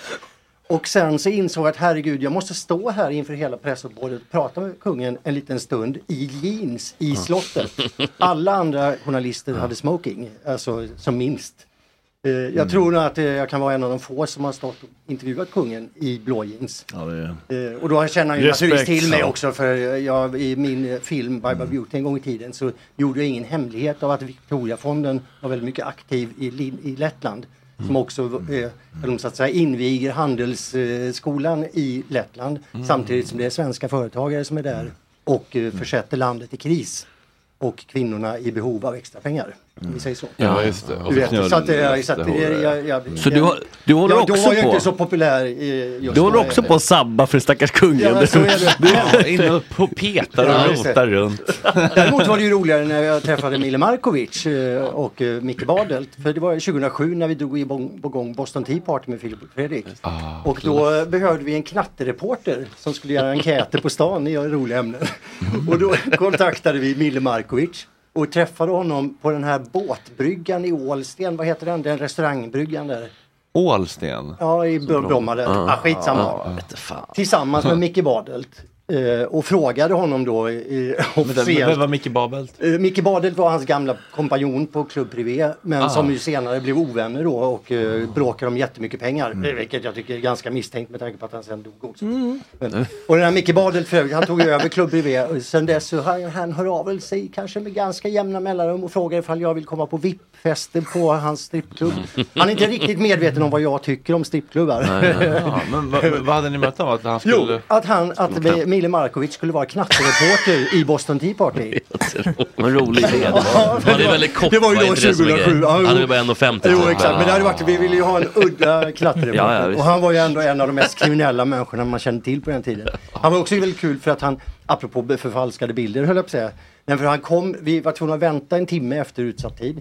Sen så stod vi vid den här grusplanen och så hörde vi helt plötsligt en vrålet av en riktigt tung motorcykel. Och in kommer i typ två kilometer i timmen Mille Markovic vinglande på en Honda Shadow eh, 1100 kubikare. Och eh, det är först nu när jag har tagit körkort, för det var ju ganska länge sedan nu, Jag tog ett MC-kort. Jag fattar att han har ju aldrig suttit på motorcykel förut. var han ville ju bara göra spel sig till. gallerierna. Spel, han ville bara se cool ut. Han, alltså, han var så dålig på att ens bromsa in den där och Men där kan jag känna den. eh, lite nästan ömsighet. Att det är så här, han vill så gärna... Lilla Marco. Ja. Men och sen var han ju helt sinnessjuk. Han var ju helt upptagen av någon slags världskonspirationsteorier om att alla, några, en slags hemlig organisation försökte styra alla människors liv. Så att det blev, han, och han Ja. avböjde ju knattereporterjobbet tyvärr. men då satt vi, men då blev jag ju då framförallt blev Micke Bard ett väldigt god vän med mig. Kan man säga. Om vi säger så. Han blev, upplevde att jag var en god vän till honom. På ett möte på en Ja, brygga? så är det. Men du upplever inte att ni är så goda vänner? Nej, vi har ju inte träffats sedan dess. Han har bara hört av sig på telefon eh, titt som tätt. Det rings ändå och snackas lite gott liksom. Ja, inte nu på sista tiden har det inte varit. Nej. Men det är väl bara, han kanske inte äger någon strippklubb. Jag vet inte. Jag vet, ja, Jag vet inte ens om det finns strippklubbar i, i Stockholm. Finns Jo, det? då, jo då, Tabu finns, Privé finns. Ja, ja, du eh, ser. Ja, jag har hört. Jag har inte varit där ännu. Thomas, det, är bland vänner Thomas. Ja, det- ja, det- ja, just det. Om det, om det stannar mellan oss. Om det, stannar mellan oss. Kan du föreställa dig Inga en värdelös miljö? Nej, alltså jag har varit eh, på andra ställen, eh, på andra, i andra länder som eh, finns ett ställe i Paris, jag kommer inte ihåg, Pink Paradise heter det, där liksom Jack Nicholson är en Mm. ofta sedd gäst. Och det, är- Trevligt det, är- men det, jag tycker att det är ganska häftigt, jag tycker om estetiken. Ja, det Den, burlesk. den är väldigt, ja det, det finns någon slags burleskerier Ja, i Paris. Las Vegas. Ja, ja, ja men i en snygg strippklubb. Ja, nej, om det är lite nivå ju helt- på det. Där går ju liksom man och äter middag med polischefen på Ja, strippklubb. ja, ja. Gold Club i Atlanta var ju ett sånt ställe som drog till sig ett eh, icke oävet eh, kändisklientel. Ja, just det, på. OS va?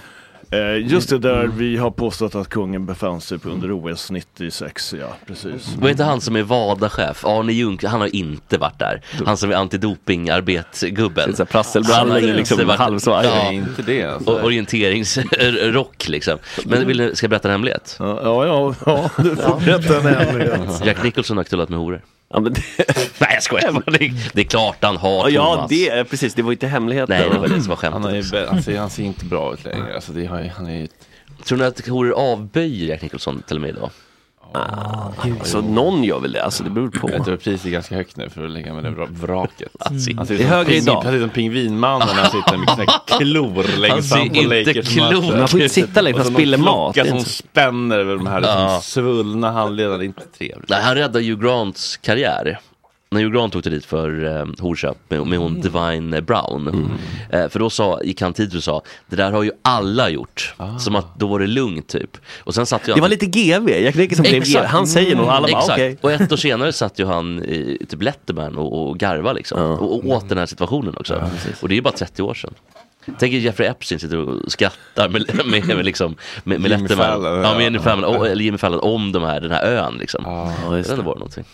Kanske. Men där är ju också ett fall att gräva i, som du Nej, säger. bu Thomas.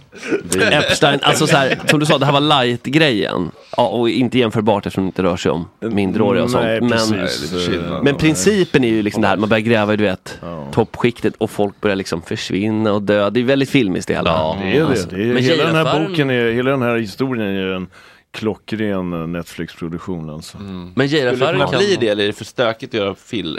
Jag tror att i Sverige kan det nog bli svårt att få finansiering till en sån produktion. Och kanske till och med distribution. Man får nog gå till utlandet Lettland. tror jag faktiskt. Ja. Tror du typ norrmännen skulle kunna finansiera, bara, nu ska vi sätta Ja. dit svenskarna, kanske någon norsk Ja, fond. men det skulle jag kunna tänka mig. Ja. Danskar möjligtvis Ja. också. Danskarna har ju gjort Tyskar skulle jag nog vända mig till i första hand. Ja, de har ju stålar. Belgarna har mycket stålar också. Alltså tyskarna har ju I varit, de står ju på tå inför den här boken nu. De, har ju flutit hit både RTL och Bunte som är deras största tror jag, veckomagasin. Och RTL som är en tv-kanal. Eh, Bild Zeitung har förstås Ja, skrivit visst. om den. Oj. Men, men är vi lika intresserade av deras statschef som de är om Nej, nej, nej, varför är de intresserade av våra? Jag menar alltså kungen är gift med deras Silvia. Hon är tysk. Hon är född i det, Heidelberg. Får inte glömma det. Ja, det. Och inte glömma kungen, det. kungens mammas pappa, alltså kungens morfar var ju en högt uppsatt nazist. Som Ah, var en av de som hjälpte Ja. Hitler till makten. Oj då, nu, nu är det Men- heta potatisar. Att, eh, det finns en... Kungens farfar han låg väl med ganska många unga nazister. Eh, Ja du tänker på V-Gurra? Ja. Ja.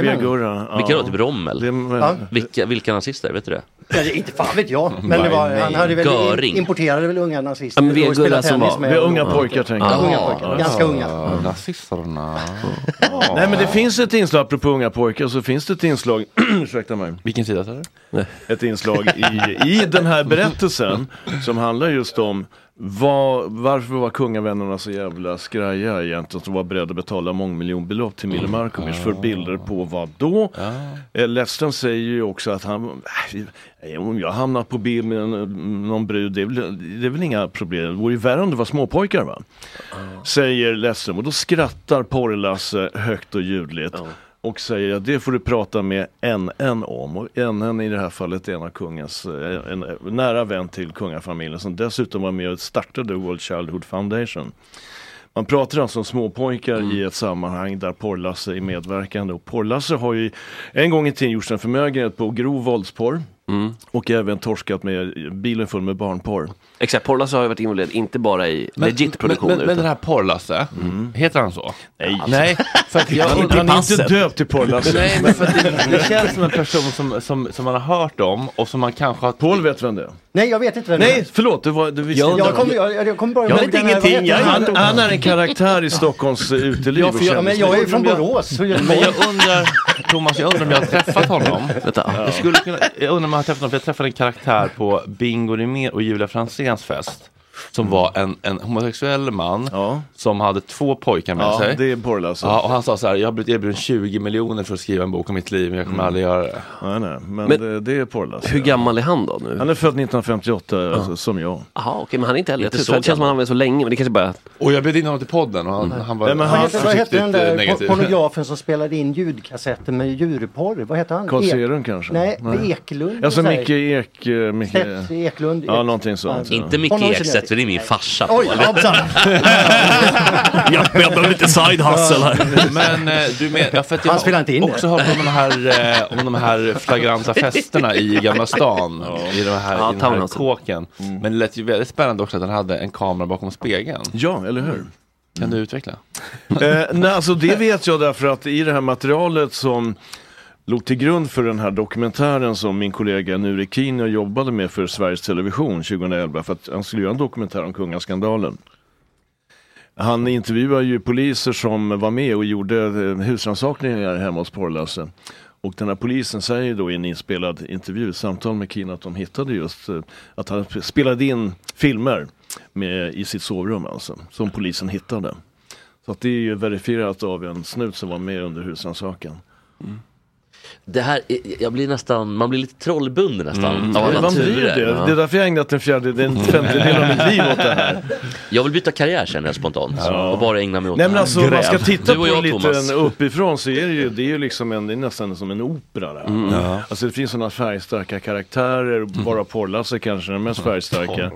Eh, Vad var det för våldspår han hade?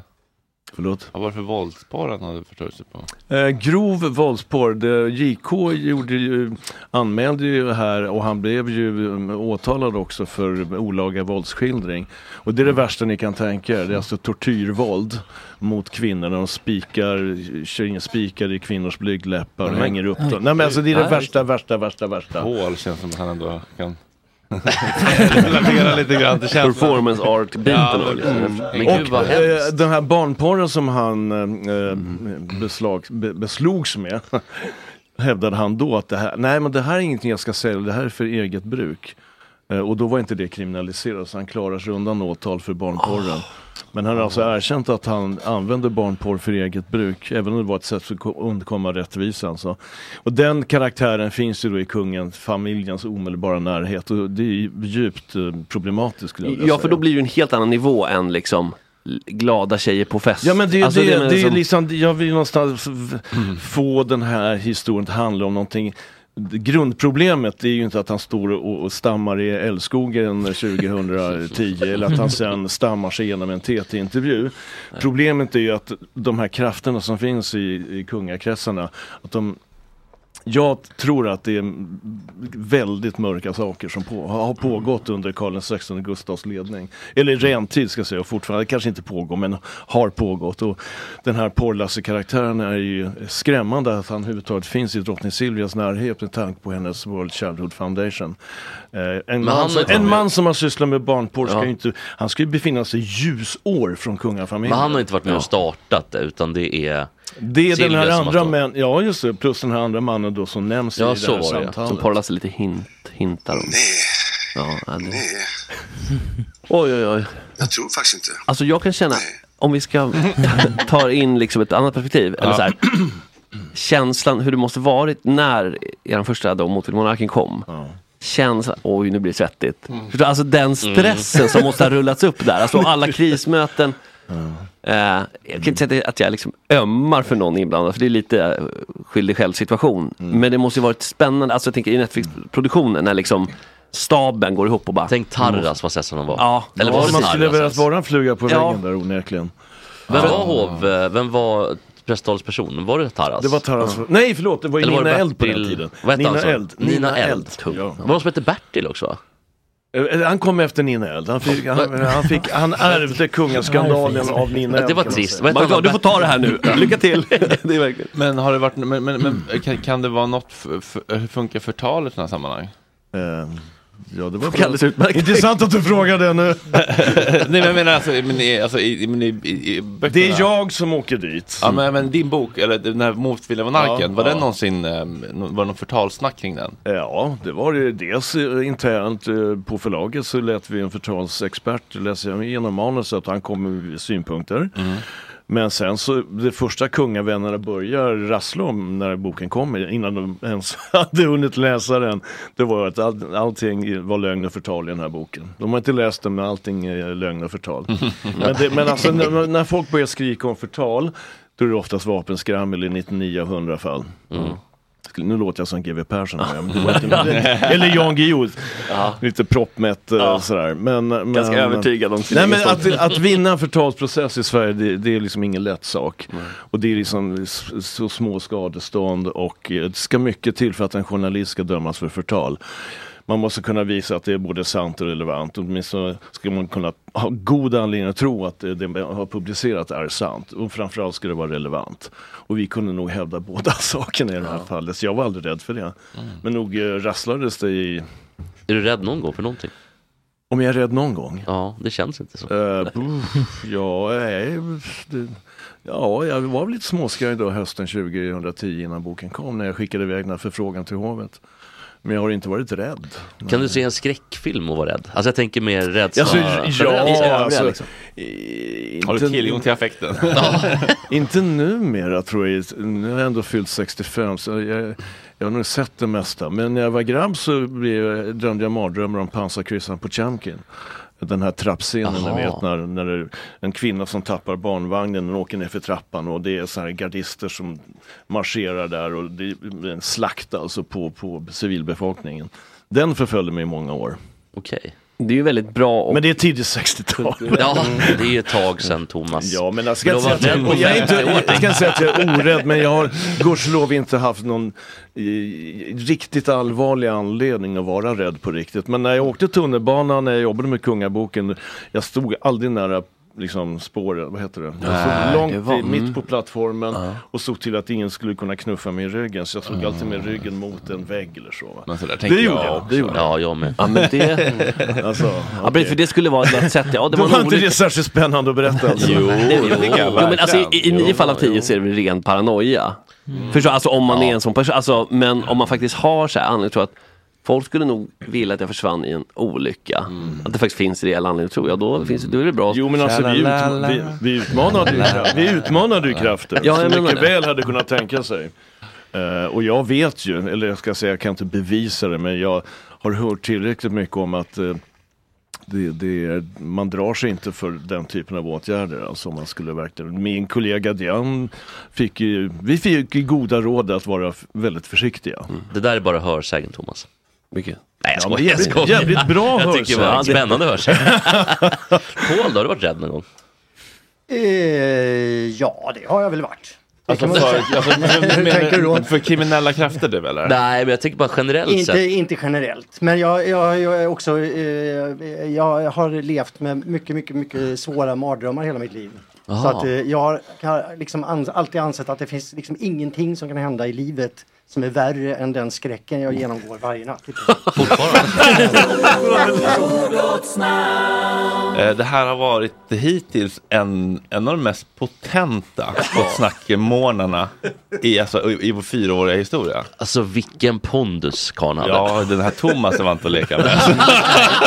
Det här var en kar. Ja, det var en karakar alltså. Det var... Jag tror att, nu, ska man ju inte, nu är det lite ofint att prata om det, men jag tror att hallojet var gigantiskt. Aha, han är välhängd eller? Ja, jo, det kan, det kan du vara lugn för. Porrlasse ville göra film med Thomas, jag tror att det är på den nivån alltså. Men han hade ju en, en sympatisk Ja, pondus. Han var ju som inte det här översittar... eh, Och den här fin journalist, kanske liksom att man inte nästan är rädd att jag pysslar med viktiga saker. Ja. Utan det är... Han ville också gräva, han var inte rädd för att smutsa ner händerna på något sätt. Men det, problemet med sådana här spännande saker är att vad ska man fråga? Man vill veta allt. Berätta allt, liksom från början till slut. Porr-Lasse, bara det är en, som en sändning i sig, bara gräva Ja, och i den. han har ju skrivit om Bert Milton också. Han har ju liksom allt på honom också. Och hur de cirklarna med... Alltså, Han borde man bjuda in fast han kan väl inte komma hit. Han har ju skulder. Det är skatteskulder. Ja, är det 500 miljarder? eller Det var Ja, det alltså det, Adali-nivå. Alltså, 500 miljarder vet jag inte, men, men han har, alltså det är men miljarder. Det var typ 400 miljoner ett tag. Ja. Jag tror att Alltså saker är att vissa grejer har skrivits av för tid går. Så det är väl egentligen bara att sitta i Spanien tills... 400 miljoner i skuld. Ja. Ja, det är Kan enorma förlängas. pengar. Ja. Ja, eh, men det, det är klart att det vore trevligt att få hit honom, eller trevligt vet jag inte. Han har ju ändå, det är ju en, han har gjort porrfilm är väl han, Eh, porrkung kallas han ju för. Mm. Så det kanske inte är så trevligt. Men, Men, men, tänka, intressant. Fadersåret, alltså oj oj oj. För det var ju... ja, det är något med pappa. Ja det var ju han som började verksamheten och sen så tog sonen över, sen började de bråka och dog osams och så. så. Det är väldigt mycket. Ja. Lite som Trump va? Ja, lite, Trump absolut. pappa. Mm. Lite Sveriges Trump kan man säga. Minus att Trump inte höll på med porr då. då. Och att Ja, han men blev li, president. alltså lite faktiskt att ta över och så mångmiljonimperium. Mm. Så det känns ju han lite skörare Bert Milton. Alltså i, utåt, Ja. han är lite mer såhär. Att Trump inte är så skör va? På tal om skör, Inte på eh, utsidan. Hur länge ska du vara sjukskriven tror du om Paul? Eh, vad jag har förstått så är jag, ska det vara i alla fall självklart året ut. Mm. Men sen är jag ju dessutom arbetssökande på tanke, med tanke på media Sveriges Ja men tillstånd. det var det jag var lite nyfiken på. Alltså, vi, för de som inte vet, jag och. Paul jobbade ihop första gången på första säsongen av Breaking News typ 2011. Ja, exakt. Jag var helt färsk i branschen, Paul var inte jättefärsk i branschen. Paul krävde att han, han var- skulle då vara flygande eller, eller, om Filip Fredrik skulle göra inslag till Breaking News så skulle de vilja kunna dra iväg och då ville de ha en helikopter på standby på Magasin 5 i Frihamnen. Det var liksom en annan tid när det fanns lite budgetar. Men eh, Den tog vi också till Norrköping Någon för att, gång- eh, för att eh, intervjua en tjej som hade fått tillbaka sin cykel efter 30 års, efter att ha varit borta i 30 år. Ja, det var ju och väldigt då kul. tog vi helikopter dit. För, tror jag, CNN-helikopter. å- 80 000 spänn för att kunna intervjua den här cykelkvinnan. Ja, det höll ju inte att ha Nej, den där nej. såklart. Men jag minns att du, att du, du, du, Det satt, var innan drönarnas tid. Ja exakt, jag minns att du satt där ofta och väntade på att vi skulle hitta något rigg som liksom kunde vara lämpligt att åka och gi- gigga, liksom, göra reportage av. Men det blev liksom inte riktigt tillräckligt mycket. Nej. Du kände du blev lite eh, understimulerad. Ja. Och då kan det hända, om, det blir, om Paul är understimulerad, då blir det farligt. För då Ja, kan det hända grejer. jag. Men kan du inte jobba lite med Filip Fredrik igen då? Jo, det hoppas jag verkligen att jag skulle kunna göra. Men det har jag har- gjort en gång men sen så, så då blev det ett litet avbrott. Så när vi startade gick jag tillbaka till Stockholm och Köpenhamn. Men, men vad, var nej, det, jag, vad, vad var det senaste samarbetet med dem? Det var ju, eh, då, det var ju den här um, eh, filmen om eh, Stefan Löfven när han skulle bli statsminister andra gången. Sista Just det, dagarna, sista lite. dagen med statsministern tror jag den hette. Just det, den har man glömt bort lite grann. Ja, mysa sig det korv och- var ju ganska kul. Ja. Men ehm, då, det var ju bara, jag liksom, då jobbade vi bara i tre månader ihop. Ja. Kanske. Alla mot Men jag har alla faktiskt då? frågat dem. eh, Men eh, givetvis så är det ju precis som för dem som alla andra att det är ju inte så många jobb som finns exakt just nu. Nej, de Eh, håller väl det- på med Den här någon, branschen är eh, ju, eh, skakar ju så att det är Vad beror Alltså- det på?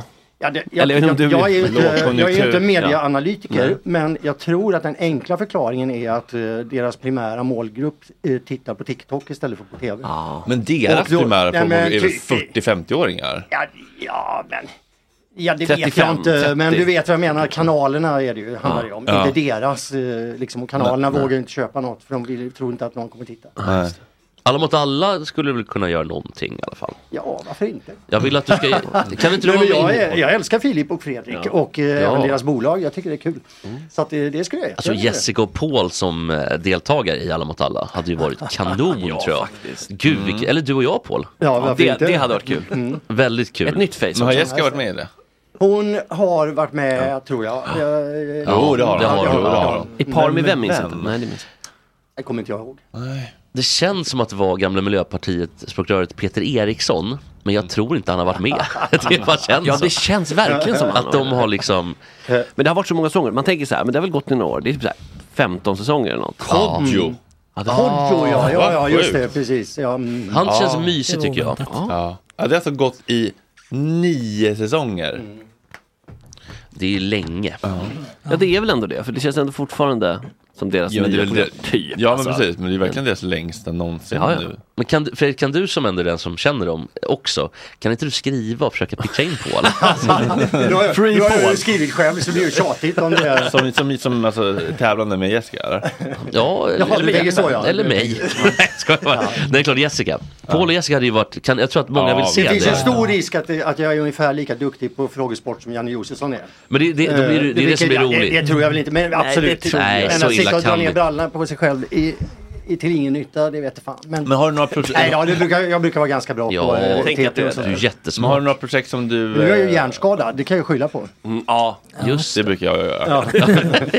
Nej, så här, det är något tråkigt möte. Nu är jag hjärntrött, jag måste gå och vila. Ja, jag kan inte, det är bara grus i huvudet. Men Och- och vad fick du för hjärnblödning förresten? Eh, i, i, jag- fick främst i då, eller, eller ja, det var ju alltså, Järnbarken? nej, alltså, eller jag vet inte, men alltså det var ju syncentrat som blev Okej. knas för mig. Jag fattar. Men det kom sig från att jag hade, jag hade mm, covid Mm. och så hade jag samtidigt en endokardit, en hjärtklaffsinfektion. Och sen så hade jag alldeles för högt eh, PK-värde, alltså för tunt blod, för jag käkade Varan mot min, med, för min mekaniska hjärtklaff. Mm. Och så var jag på SÖS och så var de så här, "Ah, men du har covid.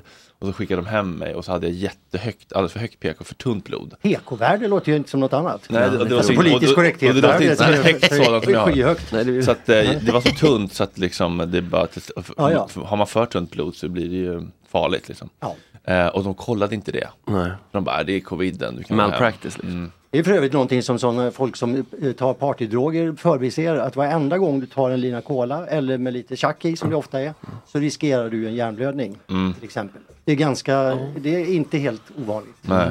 Gud vad Eh, läskigt. och varenda gång är det lika stor risk. Mm. Det hjälper inte om du tar en liten jävla lina av någon som bjuder eller om du kör 10 gram själv. Det, Nej.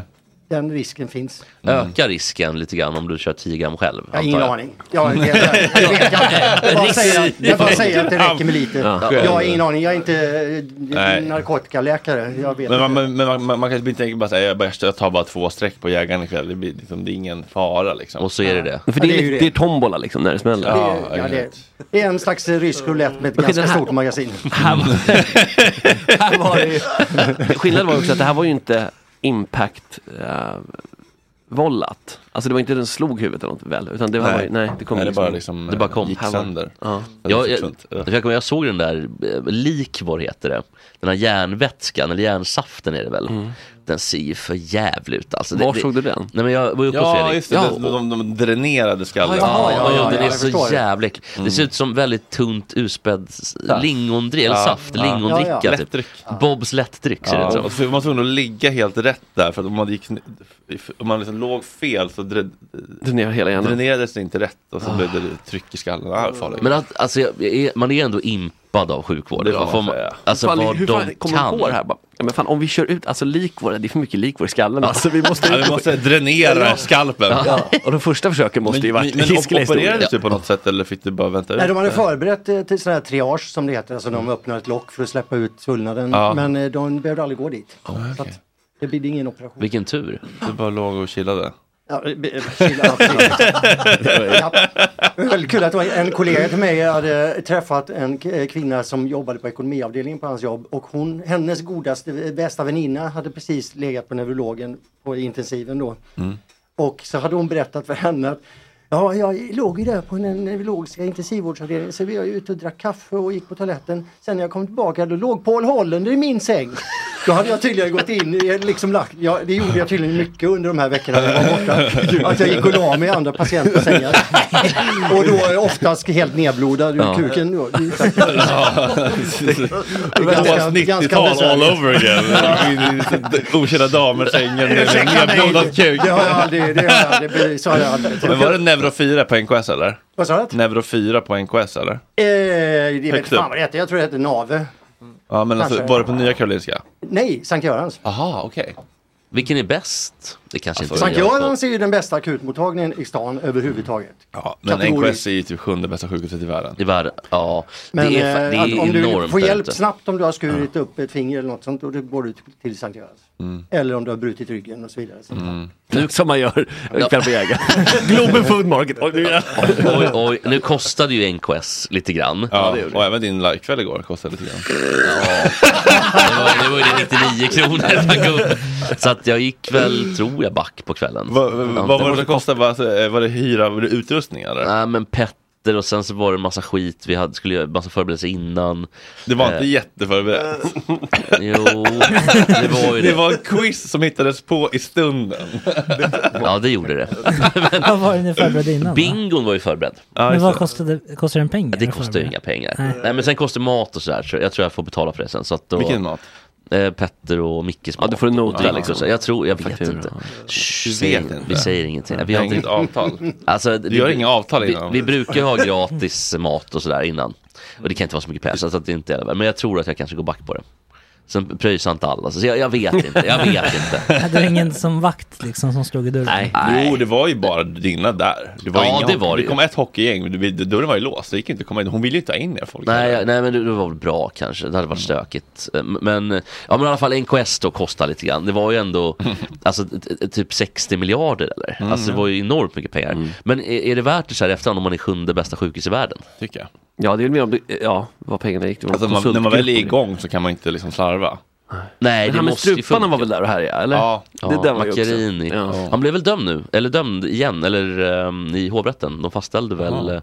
Jaha. eh, Framförallt är han dömd till en gästplats här i Gott Snack. Så Snacka lite. Ja, Ge sin bild av historien. Man fick på ett och ett halvt års fängelse tror jag. Ja, det var inte så mycket fängelse. Men du, får du Mm. köra sånt? Nej, det ska man ju inte göra. Uh, får, det, ja, jag har nog inget formellt indraget körkort. Nej, okej. men, och, men jag kör ju givetvis inte Nej. förrän eh, jag är 100% fisk. Och sen är det någon slags tid, men det passar ju ganska bra för jag kör ju inte på internet. Men vad gör du nu om dagarna då? Ja, men jag, jag, jag vilar och så tänker jag lite grann på ett nytt, eh, en konstutställning som jag ska ha nästa sommar. Mm. Som är en liten comeback på konstscenen kan man Kul. säga. Ja. Så det håller jag på att grunna på. Kan man. Mm. Eh, För övrigt, eh, ja, hur, många, hur många lyssnare har ni egentligen på ett avsnitt? Eh, på ett avsnitt? Nej, på ett normalt sätt. På det här avsnittet. Hur många lyssnare har ni? Jo, men nu, ja, ja, det kommer en följdförklaring detta. Eh, nej, men ett bra, alltså, om det är Peter Wahlbeck Ja. som, som pratar Eller Paul förbi mun, då kan det vara upp mot 20 000 på ett avsnitt, men i snitt Ja. kanske 5, 6, 7. Ja, just det. Men det skulle innebära att det ändå vore eh, ungefär, och om hälften av dem är män, eh, så borde det innebära att ungefär tre av era lyssnare skulle kunna ha eh, den könskromosomavvikelsen som ger upphov till eh, ett syndrom som kallas för Kleinfelters.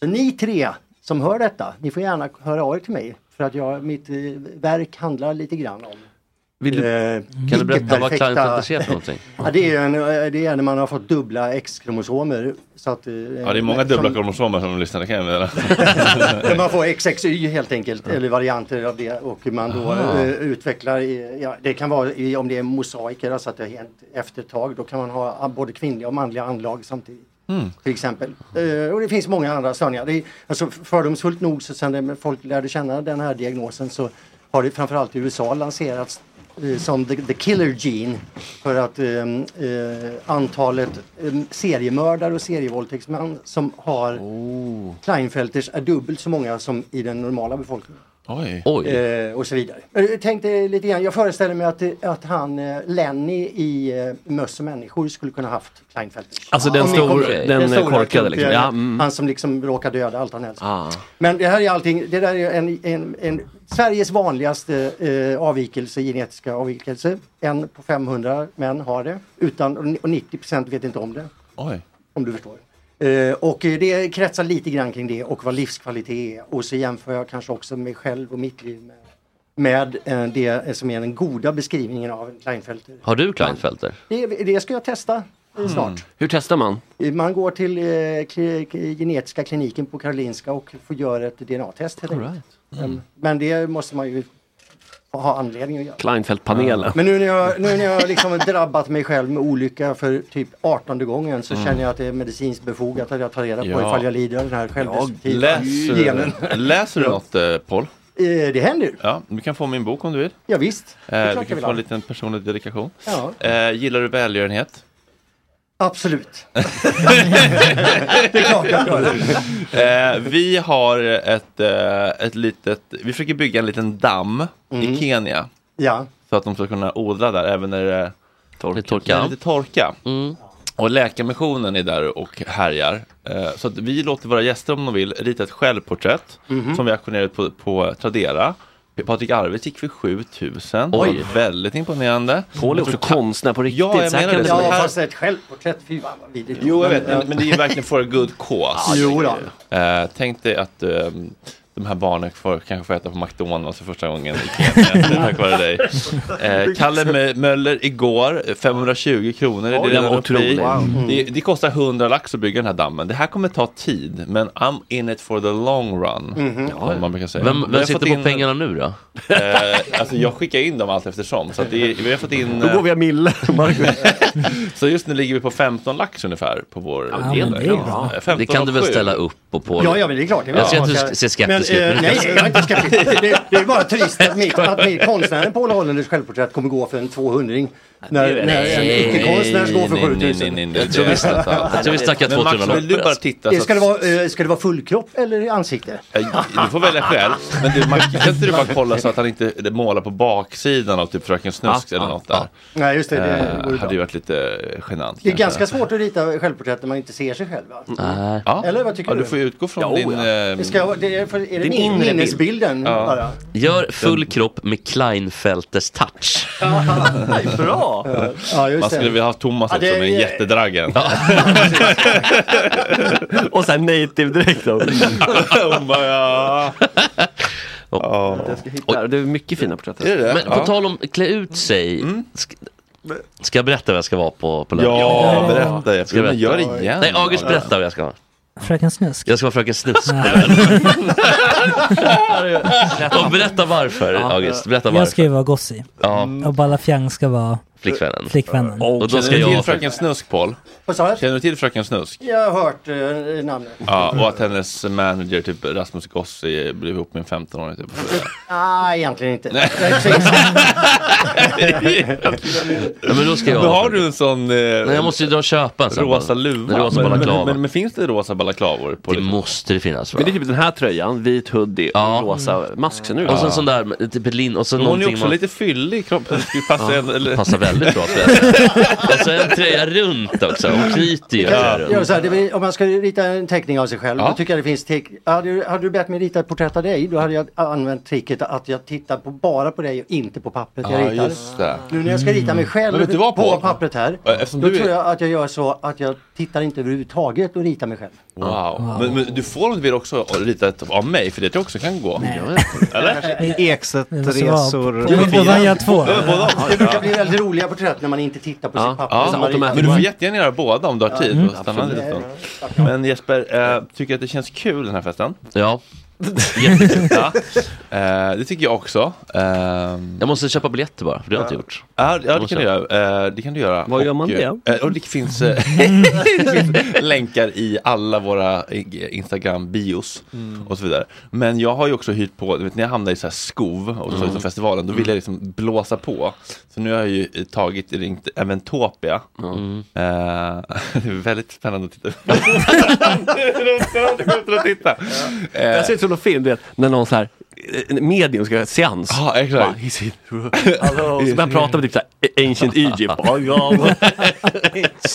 Det är ändå ett fokus här. Verkligen. jo, jag har ringt Emmet Tobbe och sagt så här. Eh, all halloween-dekor som ni har ska vi hyra på. För det är en ganska stor lo lokal, där bryggerhuset. Man vill ändå ska känna sig mycket Ja, saker. inte så här lite fattig röd svart serpentin. Nej, liksom. så sa de alltså, ja, vi har en, en, li, en riktig likkista storlek en gånger en med ett lik i. Vill ni ha den också? Absolut.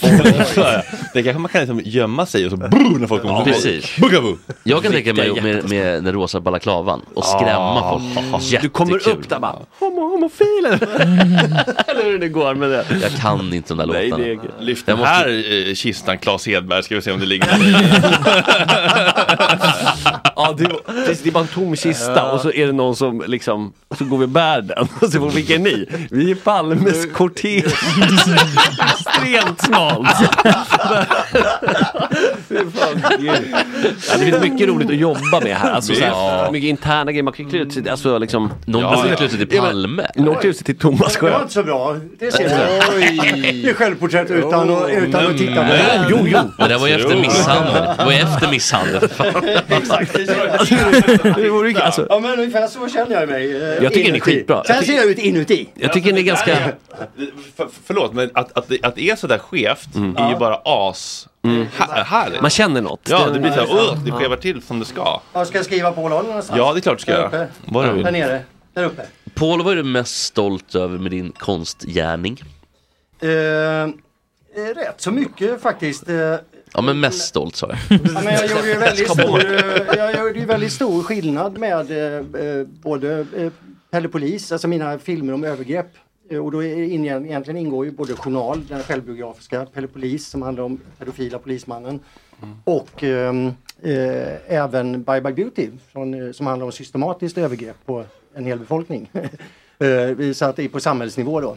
Och alla de tre filmerna tillsammans har ju gjort ett oerhört eh, avtryck och också orsakat mycket debatter och en medvetenhet om hur män behandlade kvinnor på den tiden. Alltså när jag gjorde Pelle Polis så var det en 82-årig man som precis i samma veva blev frikänd för att ha legat med en nioårig flicka för att hon inte hade sagt nej.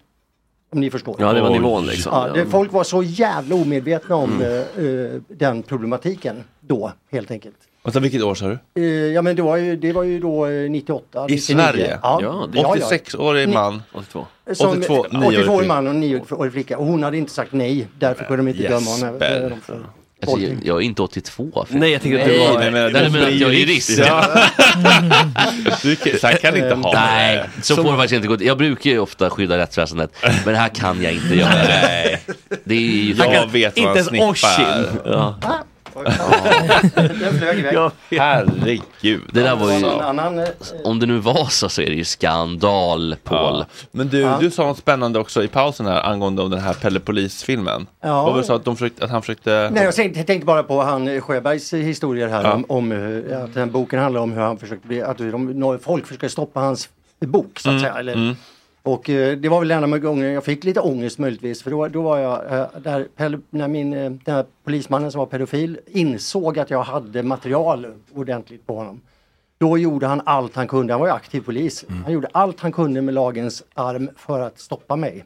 Och eh, även med icke-lagens arm tror jag, för jag var bortrest eh, i, några veckor och eh, då hade jag inbrott i lägenheten där jag bodde. Och de stal bara min dator. Ja.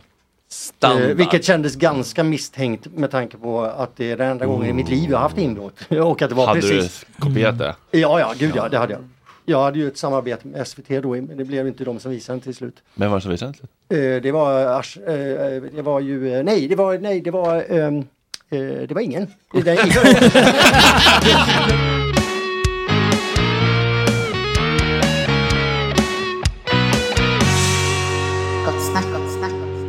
Jessica hade ju en farhåga väldigt länge. Hon försökte ju hålla, hålla dig borta från programmet. För hon var rädd att vi skulle tycka att du var roligare än hon. Ja. Man får säga att hennes farhågor har besannats.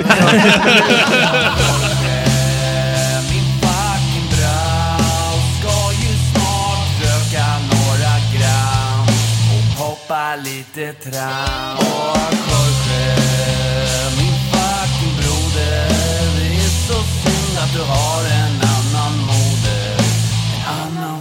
听不到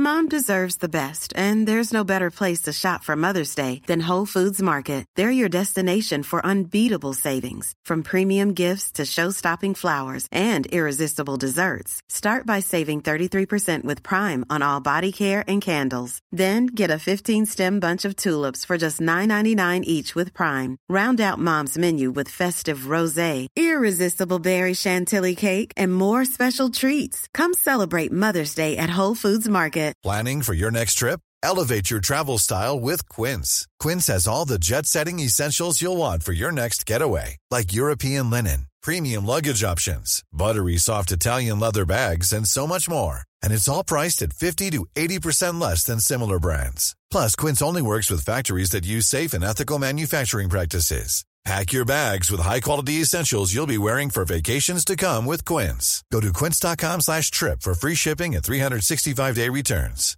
Imagine the softest sheets you've ever felt. Now imagine them getting even softer over time. That's what you'll feel with Bowl and Branch's organic cotton sheets. In a recent customer survey, 96% replied that Bowl and Branch sheets get softer with every wash. Start getting your best night's sleep in these sheets that get softer and softer for years to come. Try their sheets with a 30-night guarantee. Plus, get 15% off your first order at bowlandbranch.com. Code BUTTERY. Exclusions apply. See site for details.